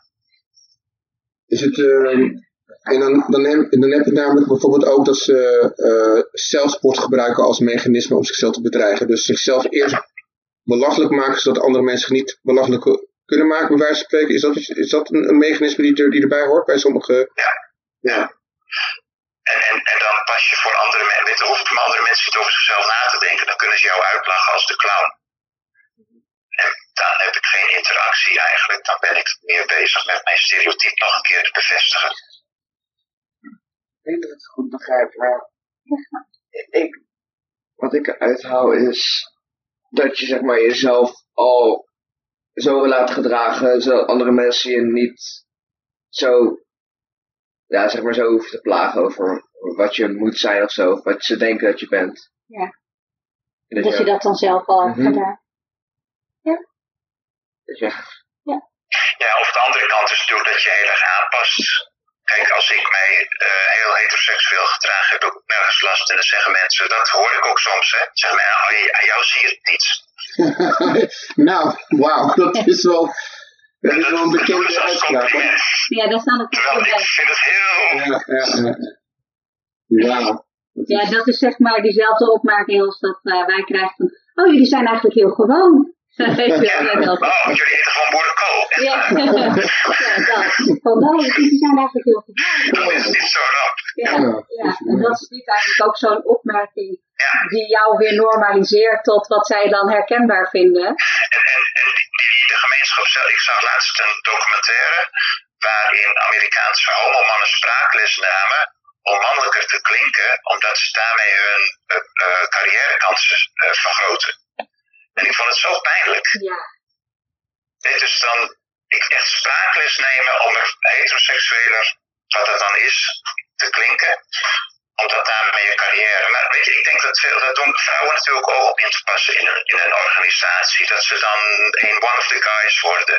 Of, of je moet heel erg het poppetje worden, of je wordt one of the guys en dan kun je meedoen. Nou, dat, dat, dat spel, ik denk dat dat in heel veel groepen die buitengesloten worden een rol speelt. Ja, dat klopt. Ik denk dat dat, dat, dat ook is eh, hè, in de jaren zeventig, als je dan eh, van Suriname kwam en zelf wat geleerdere ouders had, dan eh, werd er vaak ook gezegd van, nou, spreek maar zo accentloos mogelijk Nederlands en perfect Nederlands, want dan, dan word je makkelijker geaccepteerd. En ik denk dat dat eigenlijk deels ook wel echt waar is dat dat zo is. Ik bedoel, Kijk, voor mij geldt iets anders, omdat ik gewoon, ja, omdat ik in Nederland ben geboren, is, is dat accent gewoon nooit Surinaams geweest, want dat hoorde ik niet om me heen. Dus dat was meer, dat zou dan eerder een Fries accent, denk ik, moeten zijn dan, dan wat anders. Maar, eh, eh, ik, en omgekeerd, en sinds ik in Den Haag woon, heb ik wel heel vaak gehoord, bijvoorbeeld, van zo, jij klinkt echt wit. Dan vooral van gekleurde mensen die dan zeiden van, vooral vrienden van hem of zo zeggen, zo, jij klinkt echt als een tata. Ik dacht dat je tata was, alleen hoe je, zo dat. En ik, ja, en ik wist niet eens wat tata was, weet je wel. Want ik kwam uit Friesland, dus ik zei, hè, wat is tata dan? Toen zeiden ze, nee, jij bent een tata, je bent het dan, weet je wel. Nou ja, zo.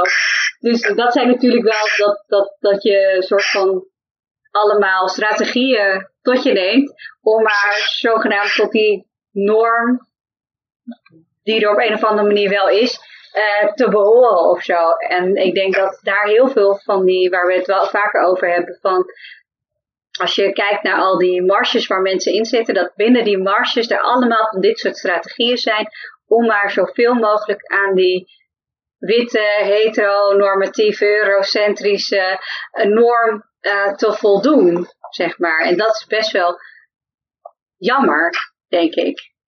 Eh, want Ja, je, je ja. toch iets van jezelf daarin. Het, het, het verschil is natuurlijk wel, ik kan door mij wat anders te gedragen als heteroseksueel doorgaan. Jij kunt niet als witte vrouw door het leven gaan. Nee. Dus ik, ik heb, dat tenminste, ik, ik, ik heb, dat is ook wel eh, met privileges, dat veel eh, eh, witte cisgender homomannen dat ook niet zo doorhebben. Ik- Er zijn, er zijn eh, eh, homo's en lesbo's eh, minister geweest bij ons eh, in, de, in de Tweede Kamer. Weet je, maar dan pas ik al heel snel weer in die norm en dan kan ik onzichtbaar zijn. Ik kan onzichtbaar als homoseksueel op straat lopen. En dus daarin is die aanpassing nog risicovoller. En aan de andere kant denk ik, ja, maar ik wil graag soms ook een voorbeeld zijn. Maar, maar soms wil ik ook juist een voorbeeld zijn. Dus dan denk ik, oh, ik moet me maar een beetje homoseksueel gedragen. Want dan Oh ja. zien anderen van, oh, maar weet je, ja. Dus Ja. dat is ook weer een zoektocht in dat genderverhaal. Ja. Ik, ik heb ook een tijd met make-up en oorbellen en zo ingelopen, eh, opgelopen, omdat ik dacht van ja, maar dan, weet je, en op een gegeven moment denk ik, nee, maar dat past niet bij mij, dus dan heb ik weer, nou ja, nu heb ik denk ik wel een stijl gevonden. Ja, dat, dat vind ik zelf ook wel. Want ik ben best wel heel Hindoestaans denk ik opgevoed. In the middle of nowhere, maar toch wel. En, eh, en misschien wel Hindoestaans dan heel veel mensen in de stad. Eh, en ik denk van, als Hindoestaanse vrouw in, in Den Haag dan met name, word je ook eh, eigenlijk alleen maar gezien als, eh als eh Hindoestaanse vrouw in, in Den Haag. Weet je, omdat daar gewoon zoveel Hindoestaanse vrouwen zijn.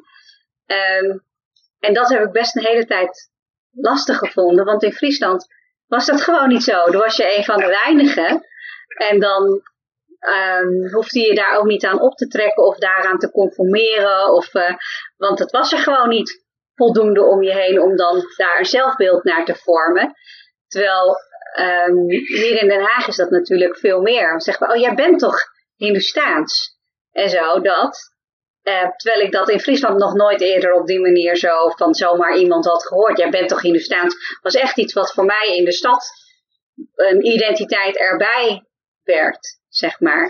Dus ik kan me ook voorstellen dat in sommige contexten, zeg maar, ehm, jouw voorbeeldfunctie als, eh, als eh, cis-homo-man, zeg maar, veel relevanter is dan in andere. En ik kan me ook voorstellen dat je dan zegt, ja, dat voorbeeld dat wil ik dan wel echt zijn. Maar ik kan me ook voorstellen dat je denkt, hoe dan? Hoe doe je dat dan? Nou ja, kijk, het, liefst, ik heb geen relatie nu. Eh, eh, toen ik een relatie had, vond ik het heel fijn, omdat af en toe gewoon, dan zeg ik van nou, eh, ik ben met mijn Molukse vriend dit en dit, of met Amos. En dan zag je sommige mensen echt kijken, Amos is toch een mannennaam?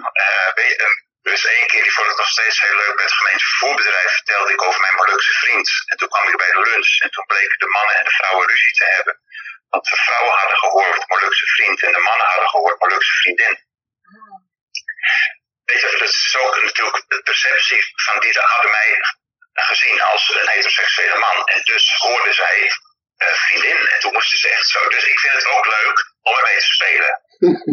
en zeker in dat soort, weet je, in politie en bij GVB, dat ik dan echt binnenkom. En ja, dan kom ik binnen zoals ik ben. En op een gegeven moment laat ik iets weten. Terwijl het, ik vind het nog altijd lastig om te zeggen, ik ben homo. Omdat ik dat niet zo relevant vind. Maar zeggen van mijn ex-vriend, of ik heb dus ik, weet je, dan heb ik het veel liever over wat ik doe dan wat ik ben. Maar goed, als je geen relatie hebt, nu, nu zeg ik dus van nou, ik ben met de Pride ben ik actief. Ja. Weet je, en dan, we hebben, ik, heb, ik zit op een, eh, een, een koor en dat hebben we een tijd lang een gemengd mannenkoor genoemd. Oh, En dan gaan mensen ook even kijken van Ja. eh, gemengd mannenkoor, hoe kan dat nou? Je, Dus dat, dat, dat vind ik eigenlijk het leukste.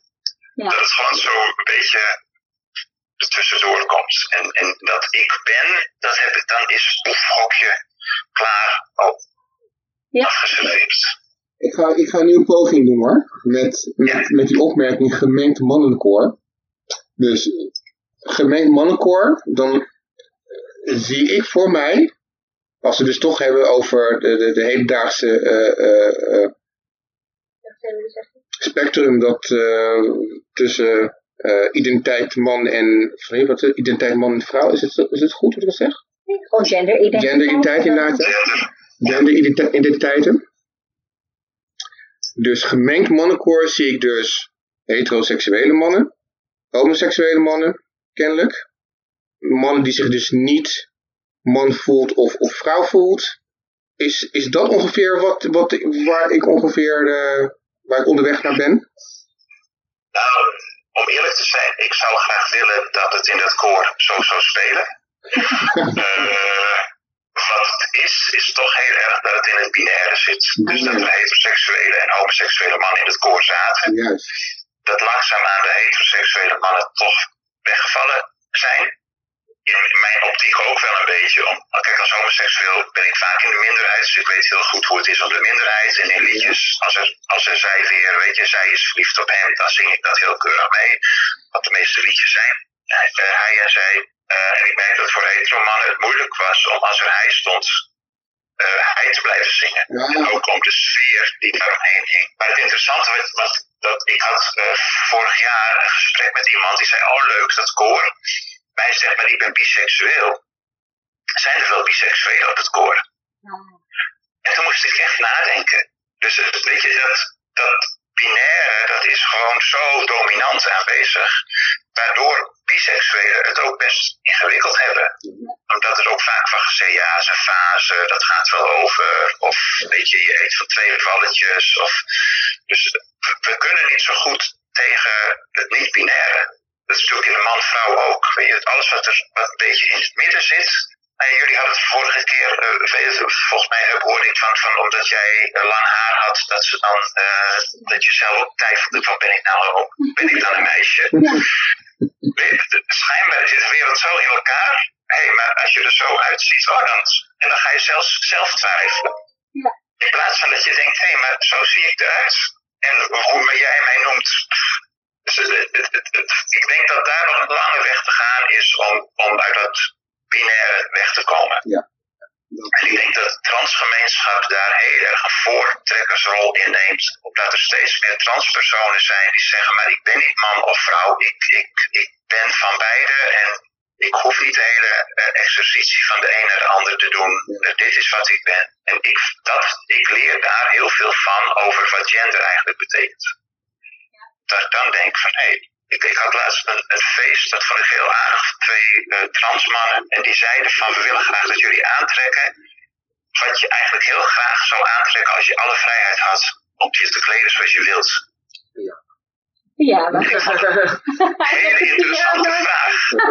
Ja, maar nee, ja, maar, maar ik dacht echt, ik hoef niet een jurk aan. Ik heb niks, nee, ik, ik, ik heb niets, ik vind drag heel erg leuk om te zien, maar het is, past niet. Eh, met die spijkerbroek ben ik soms ook wel eens zat. Eh, en ik had heel erg, maar wat, wat is nou als ik nou echt de keuze, de vrije keuze heb? Als niemand mij oplegt wat ik moet dragen, wat zou ik dan willen dragen? Toen ben ik uiteindelijk in zo'n Marokkaanse jaleba eh, eh, gegaan. Ik denk, daar voel ik mij als ik thuis zit, is dat wat ik eigenlijk het liefst aantrek. Lekker. Maar nou ja, voor jullie ook, hè, van, als je echt los van alle verplichtingen, wat zou je dan willen dragen? Wat zou je dan willen Eh, Joggingbroek, zegt hij. Altijd. Gewoon chille kleding. Maar gewoon iets van dit. Gewoon, Nee, eerlijk zijn, waar wil jij altijd het liefste in lopen? Als jij hier bent thuis. niks! En je? Eerlijk zeggen. Ja, als, in mijn, Eerlijk zeggen. ik weet het wel. nee, dat ik niet, niet de zin heb om iets aan te trekken. Ja, hij heeft heel vaak dus geen zin om iets aan te trekken. Dus ja, En dan loopt hij gewoon in zijn onderbroek rond. Dat is gewoon wat hij het liefst aan heeft. Want zodra hij dan thuis is, gaat alles uit. Gewoon in zijn onderbroek. En dan pakt hij een dekentje en zegt hij, ja, ik heb het best wel een beetje koud. Weet je, ik denk, ja, je hebt niks aan. Dat snap ik. Ja, een, een, een, dekentje, een dekentje dragen. Ja, een dekentje. Een dekentje. Gewoon eh, een gat erin en dan eh Dat is lekker zo. show. Ja, dat. maar Ja, inderdaad. ik denk wel iets wat zacht is van binnen. Wat zacht is van binnen. Ja, Dat. zachte. En Nishaan, die loopt hier het graagste rond. Nou, ik loop hier het gast denk ik rond met een basketbalbroekje aan, of een, eh, een kort t-shirtje of zo, of een trui. En dan, wat doe je met je benen? Met je benen. Doe je een sarong om. Ja, Nee, maar dat is interessant. Dat in, andere, weet je, dat vond ik ook met die Marokkaanse jurk. Dat ik denk van dat, dat is dus een mannenkostuum. Weet je, daar zit dus in, in kleding. Kleding is best bepalend over voor gender. Ja, wij herkennen dat wel een beetje van als je kijkt naar bijvoorbeeld eh, met, eh met Diwali of zo, met de Hindoestaanse feestdagen of Hindoeïstische feestdagen moet ik zeggen. Dan krijgen ze altijd van die, eh, nou best wel glimmende pakjes aan en zo. En eh, nou ja, dat vinden andere mensen vinden dat dan meer een, eh, een kostuum, zeg maar. Weet je wel, een, eh, een prop, iets wat je met Halloween of zo, weet ik veel, als een, ja, weet je, als verkleedpartijtje of zo. Maar dat is dan wel echt van Normaal. normale kleding. Ja, Ja. normale feestelijke kleding. Maar dat is natuurlijk allemaal eh, in de, ja, raar, raar voor andere mensen. Omdat zij dat dan als, eh, ook als heel feminien bestempelen. Omdat het natuurlijk hele felle kleuren zijn. Er zitten heel veel glitters en bewerkt. Het glimt allemaal en zo. En, eh, maar jullie trekken het nog steeds wel aan. Ja, maar jaar een beetje. Het wordt elk jaar een beetje minder.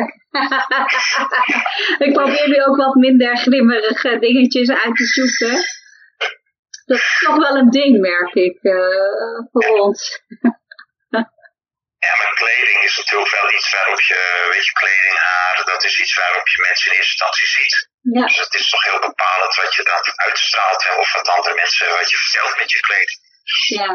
ja, en met dat haar hebben we natuurlijk heel veel, eh, altijd heel veel commentaar gehad. Elke keer, sorry, sorry.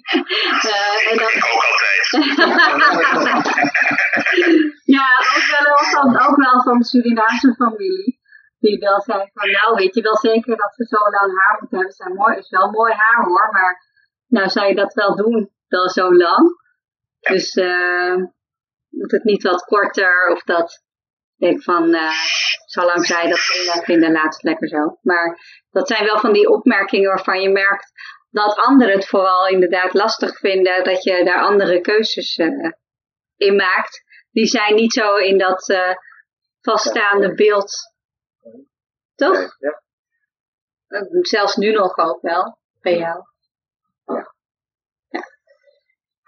Nee jongens. Nou, hebben jullie nog vragen? Dat je denkt van ja, ik zie niks. Wat? Die lezen echt zo bij dat. Je leest ook vragen natuurlijk. Ja. Maar ik heb vorige keer toch. Ja, nee. Maar ja, Waarom niet? Maar ik heb niet gevraagd. Nee? Ja, dat is jou. Nou, ik heb eigenlijk ook niet vragen. Ik, eh, ik vond het wel best wel leerzaam hoe eh, u erin stond met het homoseksuele en zo. En eh, hoe u als kind dat ervaarde. Ja. Dus ja. En de andere dingen nog die je kwijt wil? Ik? eh, Ja. ja. Oh. Wat is je nou bijgebleven? Weet ik niet. Zoveel. Ik denk niet zo aan, dat hebben we al gezegd. Nee. Ja, hoe nee, het ik is. oh, wat niet zo gezegd. Ja, niet, eh, hoe het is gewoon.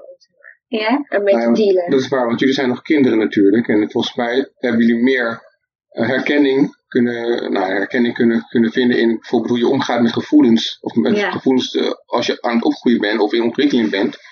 Eh, met name ook eh, je eigen seksuele identiteit.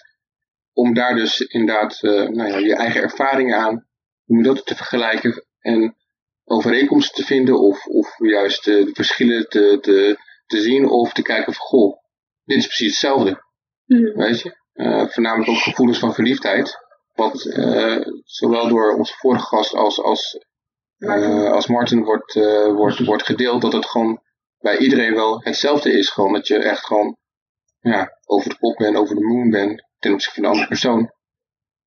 En het interessante is natuurlijk wel, wat, ik merk als homoseksuele man, het, het heet ook homoseksueel, eh, het wordt het seksuele aspect heel erg snel op de voorgrond gezet.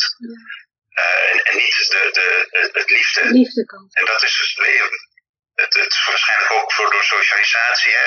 Een man wordt meer seksueel actief gezien en dus twee mannen. Nou, dat is wel, dat wordt ook wel overgenomen door sommige mannen die, die dat ook heel erg eh, uiten. Eh, maar voor, voor mij was echt de ontdekking inderdaad van die verliefdheid. En, dat- en ik denk van dat heel veel mensen zich kunnen verhouden tot van hé, maar hoe was het om de eerste keer verliefd te worden? Ja. En, en wat gebeurde er? En hoe, weet je, mocht dat of was dat een beetje raar? Of paste het in het patroon wat je ouders van je verwachten of niet? Of, nou, en daarin kun je veel meer overeenkomsten zoeken dan dat er in eerste instantie lijkt. Hm. Maar ik denk zeker in die leeftijd waarin je daarmee bezig bent. En ook van, van pas ik bij de norm of val ik buiten de norm? Eh, vinden mensen me leuk als ik dit doe of dat doe of andere keuzes maak? Maar dat, dat zijn denk ik dingen waar je toe kunt verhouden. Ja, wat, wat, wat ik wel echt belangrijk vind is door met dit soort gesprekken, maar ook met de jongens, dat ik gewoon, dat wij elke keer proberen in elk geval te begrijpen dat zij nu al anders op, opgroeien, sowieso, dan hoe wij zijn opgegroeid, dan uh, hoe Bie is opgegroeid en uh, ook zeker dan hoe jij bent opgegroeid. Dat die wereld ook om hun heen zo sterk aan het veranderen is dat mensen daar steeds meer over nadenken. Toch? Ja. Want wat zei jij daarover? Van uh, met homoseksualiteit en zo, ja. Hoe je daarmee wordt grootgebracht? Wat wij erover zeggen en zo. Oh, dat we zeg maar, ze zeggen van, of we verliefd zijn op een jongen van meisje, iets van dat. Ja. Ja, dat. Ja. Ik wil nog iets zeggen tegen jullie. Oh, ja. Hebben jullie nog vragen? vragen, lekker ding. Nou, nee, niet echt meer vragen, maar wel van fijn om met elkaar dus dat soort gesprekken te blijven voeren.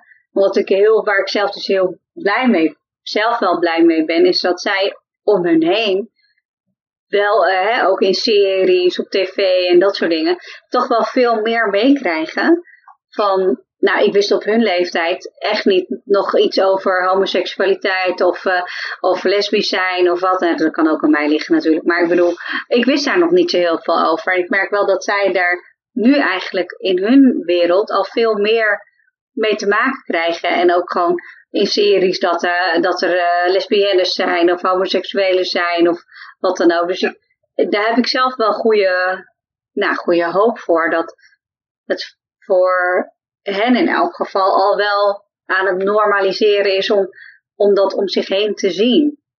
Buiten dan ook dat we dan wel vrienden hebben en dat zij wel mensen kennen die dan uh, ofwel lesbisch zijn of homoseksueel zijn. Die had ik ook niet om mij heen destijds. Ja, misschien wel, maar die waren dan niet uh, geout of wat dan ook, weet je dat. Die hadden zichzelf nog niet, uh, uit, waren nog niet uit de kast of wat. Maar ik, ik, heb niemand om me heen waarvan ik dacht, nou, die is homo of, of, of lesbisch of zo. Terwijl zij nu in hun leven wel al mensen kennen die dat wel zijn. En ook daar dus over leren nadenken van wat dat dan betekent. En wat je er zelf aan kan doen. En wat wij daar dus ook als ouders aan kunnen doen. Maar wat ik er lastig aan vind is dat wij wel in een hele heteronormatieve omgeving zelf zijn grootgebracht. En dat ons vocabulaire, onze denkpatronen, onze manier van uh, handelen, doen enzovoort eigenlijk wel helemaal daarop is geënt. En dat het dus een hele bewuste actie moet zijn van jezelf om daar iets uh, anders mee te doen dan waar je alleen maar mee bent uh, grootgebracht. Dat. Jij er nog iets over? Um, nou ja, ik, uh, ik deel wel inderdaad heel veel van wat je, wat je, wat je net gezegd hebt. Met betrekking tot jezelf aanleren voor wat, of eigenlijk onleren wat je hebt geleerd. En deze nieuwe de informatie tot, tot jezelf eigen te maken om die inclusie te, ja, te vergroten in deze samenleving. Nou ja, met deze podcast hopen we gewoon daarmee stappen te maken. In ieder geval voor, onze, voor ons gezin zodat zij uh, daar, daar uh, makkelijker kunnen bewegen in de, in, in de samenleving die zij zullen aan, aan, uh, aan, aan gaan deelnemen inderdaad. Maar dat is eigenlijk zo'n beetje wat, wat, wat ik eruit haal. Ja. Nou, oké. En hebben we dan nog final thoughts met jou, Martin? Dat je denkt, nou, dit is, als we elkaar dan nu toch spreken, dit is nog wel een dingetje. Nee, nou ja, net even weer wat, wat jij zegt, weet je, dat je doorhebt hoe heteroseksueel die wereld is. Als je muziek beluistert, uh, als je naar films, weet je, er zijn. En ook, er is laatst zo'n zo compilatie van films geweest, dat heel vaak, uh, als er uh, homo's of lesbo's of transgenders in films komen, lopen er bijna altijd slecht af. Mm. En bijna nooit dat het gewoon een personage is die gewoon door die film heen. Dat, dat, dat gebeurt nog maar heel weinig. Dus het zit nog heel vaak in de problematische hoek. Vaak zelfs met, met suïcide aan het eind. Of, weet je, dus dat, dat blijft wel heel erg een, een ding. Uh, en dat is natuurlijk, dat dacht ik ook, een, een homoseksueel kind groeit in een meestal heteroseksueel uh, gezin op. Die kinderen van kleur hebben meestal ook ouders van kleur. Dus die leren al om te gaan met, met kleur. Uh, ik, ik, ben in een heteroseksueel gezin, dus ik wist ook niet hoe, hoe je dat moest doen. Nee. Nee. Dus nou ja, dat, dat zijn van die dingen weet je, waardoor je bijna nooit door hebt. Ik zei het laatst tegen iemand, ik zeg van, van let je wel eens op wanneer je afscheid neemt bij de trein, of je je partner wel of niet een zoen geeft. Uh, ik zeg ik altijd. Ik kijk altijd om me heen, is het risicovol? Doen we het wel, doen we het niet? Nou, dat, dat, dus die, die doorspekking die is ja, en eigenlijk net zo, weet je, ik denk, daar kunnen jullie aan relateren, net zoals racisme overal doorheen gespeeld. Ja. Weet je, dat je alleen maar witte mensen op televisie ziet en dat je alleen maar, dat, dat verhaal, denk ik, is, is heel erg overeenkomstig. Ja. Ja, en dat van dat uh, zoenen, dat herken ik zelf ook wel nu niet meer zo. Maar toen wij net bij elkaar waren, juist omdat Finn dan half Creools, half Javaans is en ik in de staat en we in Den Haag woonden, dat je wel uh, denkt van, nou ja, om je heen kijkt van, zijn er andere mensen die met ons meekijken en daar nog iets van vinden? Niet per se omdat je niet voor je liefde soort van wil uitkomen, maar wel lopen wij gevaar op het moment dat anderen ons zo zien. En ben je 22 jaar verder, dan denk je dat niet meer. denk je van, nou, roep maar op. Maar, maar ik herken dat wel wat je nu zegt, dat dat best een heel ongemakkelijk gevoel is. Dat anderen je dus in gevaar kunnen brengen als jij je liefdevol uit naar jouw partner waar die ander helemaal niks mee te maken uh, heeft. Gewoon überhaupt. Dat is gewoon natuurlijk heel, uh, dat is het triest, dat is het trieste deel. Uh, los van ook dat er zoveel herkenning is, juist op dat liefdedeel. Gewoon dat dat gewoon eigenlijk, ja, dat spannende en dat, oh, hoe ga ik dat nou doen en weet ik veel. Dat is eigenlijk, nou, wat ik nu zo ook beluister. Oh, exact hetzelfde gevoel gewoon. Echt gewoon bijna op de, op de seconde af gewoon exact hetzelfde. Het spannend vinden, uh, het uh, lastig vinden om dat te melden, uh, kriebels in je buik en oh, weet ik wel, dat, dat gevoel, dat het gewoon zo uber herkenbaar is en dat het, dat het zo fijn zou zijn dat iedereen dat begrijpt, dat dat hetzelfde is. Gewoon dat. Dat, het is zo, zo gek. En inderdaad, wat jij zegt, daar herken ik ook, dat mensen heel vaak op dat negatieve stuk zitten. Maar het is alleen maar moeilijk en alleen maar geproblematiseerd en alleen maar, uh, nou ja, zo. Dus uh, ja, ik denk helemaal fijn. Nou, dan wil ik, denk ik, afsluiten. Dat is een leuk gesprek. Ik zei toch, het duurt veel langer dan dat je in je hoofd hebt. Oh, ja, Dank, dankjewel voor Ja, weer heel veel knippen en plakken en gedoe en zo, maar dat is prima. Ik vind het echt heel erg leuk wat jullie doen. Echt, ik, ik heb vorige keer heb ik helemaal gekeken, omdat ik ook benieuwd was. En dit een beetje, weet je, ik denk van, goh, wat leuk. Ook hoe jullie het zo ontspannen doen en, en jongens meedoen. Dus ik, uh, mijn complimenten voor de, hoe jullie dit doen. Ah, dankjewel. dankjewel. Nee, wij vinden het gewoon super nice dat je gewoon met ons bereikt in dit gesprek te voeren en zoveel van jezelf deelt. Want uh, dat is ook uh, eigenlijk niet heel makkelijk om te doen. Het maakt niet uit hoe vaak je iets vertelt over jezelf. Het is altijd iets, iets delen van jezelf aan anderen. Dus dat is gewoon super nice dat je dat uh, met ons wilde delen en doen. Dus uh, dank je wel daarvoor. Jullie ook nog even, dank wel. Dankjewel. Ja, dankjewel. Dankjewel. Ja, goeie opvoeding. Ja, Heel goed. dankjewel. En uh, wij spreken elkaar hopelijk. En ik wens je heel veel, heel veel plezier in uh, Friesland straks. Ja, Vakantie, hè? lekker een weekje fietsen in Friesland. Heerlijk. Even, even mijn Fries ophalen. Ja, zo. Ja joh, ik denk van dat is bij mij zo ver weggezakt. Voor mij ook. Ja. Fijne avond en uh, we spreken elkaar. Dankjewel man. Dankjewel. Doei doei. Hè, hoe vonden wij dit? Zo, dit gesprek. Leuk, ja. Wat, wat vonden jullie ervan? Samen? Ik vond het leuk. En ik vond het leuk omdat ik heel veel van heb geleerd. Over hoe het is om, zeg maar, uh, wat gay en lesbisch, hetzelfde eigenlijk. denk ik. Ja, iets van dat. En weet je, ons te zijn en uh, trans. Want uh, bij B Ja. was ze eerst was ze lesbisch. En toen dacht ze later van, oh, ik Maar ik voel me niet een meisje. ja, ik voel ook niet een meisje. Ja. Dus ik ben trans. Nee, ze is niet trans, heeft Oh, ze nee. niet gezegd. Nee? Oh, Nee. ze is nog een proces. Nou, ze, ze, ze zit zelf Ze in een proces van, ik ben in elk geval niet binair. Dat Ja, zegt ze. Ja. En, en ze zegt ook van, ze heeft niet per se gezegd, ik ben, ik ben eh, niet cis. Want cis is als je eh, eh, geboren bent als eh, man of als je geboren bent als vrouw en je je ook zo voelt. Maar dat heeft ze niet gezegd. Ze heeft gezegd van nou, ik, ik voel me niet per se als een vrouw. Ja, maar niet per se als een jongen. Nee. Ja, ja. Maar wat nog iets Ja. Mij is het meest, meest bijgebleven dat, eh, hoe ze opgroeiden en wanneer, op welke leeftijd ze het echt, echt door hadden. eh, dat ze bi, homo of eh, lesbisch waren of trans. En dat is eigenlijk ouder dan ik had verwacht.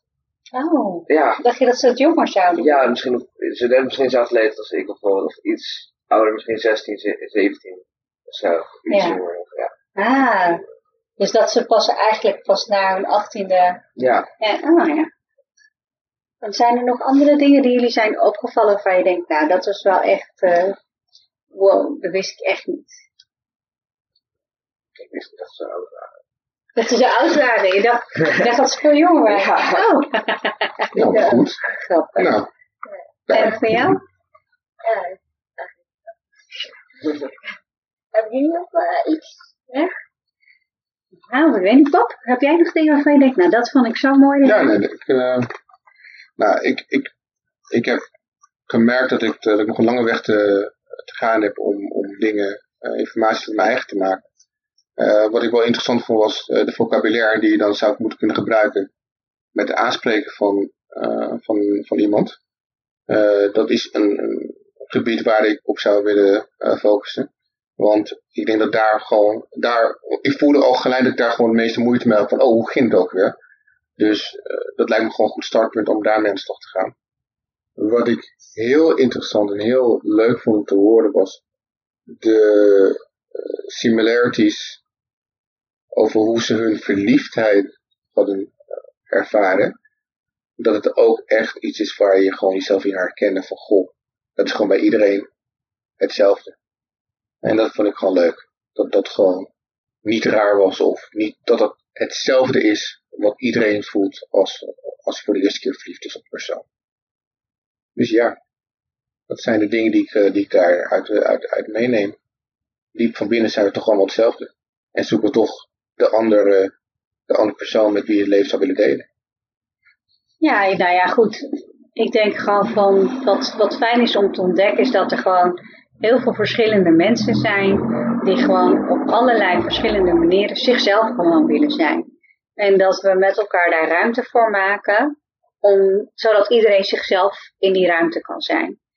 En dat is denk ik een hele moeilijke opgave, omdat wij allemaal zijn opgegroeid, eh, en wij nog meer dan de jongens, zeg maar, in een hele heteronormatieve wereld. Eh, een hele witte heteronormatieve wereld. Waardoor alles, alles en iedereen zich elke keer daaraan moet meten om normaal gevonden te worden. En eigenlijk moet dat niet hoeven. Want alles is normaal en alles is abnormaal. En in, in al die verscheidenheid, zeg maar, zit er ook een gelijkheid. Omdat iedereen anders is, zeg maar. En Ja. dat is gewoon, dat maakt iedereen gelijk aan elkaar. Jij bent anders dan ik. En, eh, eh. en, en dat is denk ik gewoon het mooie daaraan. En dat vind ik ook mooi dat, dat Wie en Marten eh, echt wel hun eigen persoonlijke verhaal met ons delen. Dat is natuurlijk super nice. Ja, Gewoon, echt zeker. gewoon super. Want het is niet makkelijk. Het is gewoon best heel moeilijk en heel dichtbij voor jezelf om zo'n verhaal te delen. Omdat het niet altijd mooi is. Het is niet altijd een mooi proces. Het is niet altijd een makkelijk proces. En, ik, eh, voor een deel herkennen papa en ik dat proces natuurlijk ook. Omdat het bijvoorbeeld voor Nani ook niet makkelijk was om papa bijvoorbeeld te accepteren. Maar niet omdat, omdat we gay zijn, maar omdat hij niet eh hindoe en niet hindoestaans is. Dus dat, dat herken ik daar wel in. En dat is een moeilijk verhaal om te delen.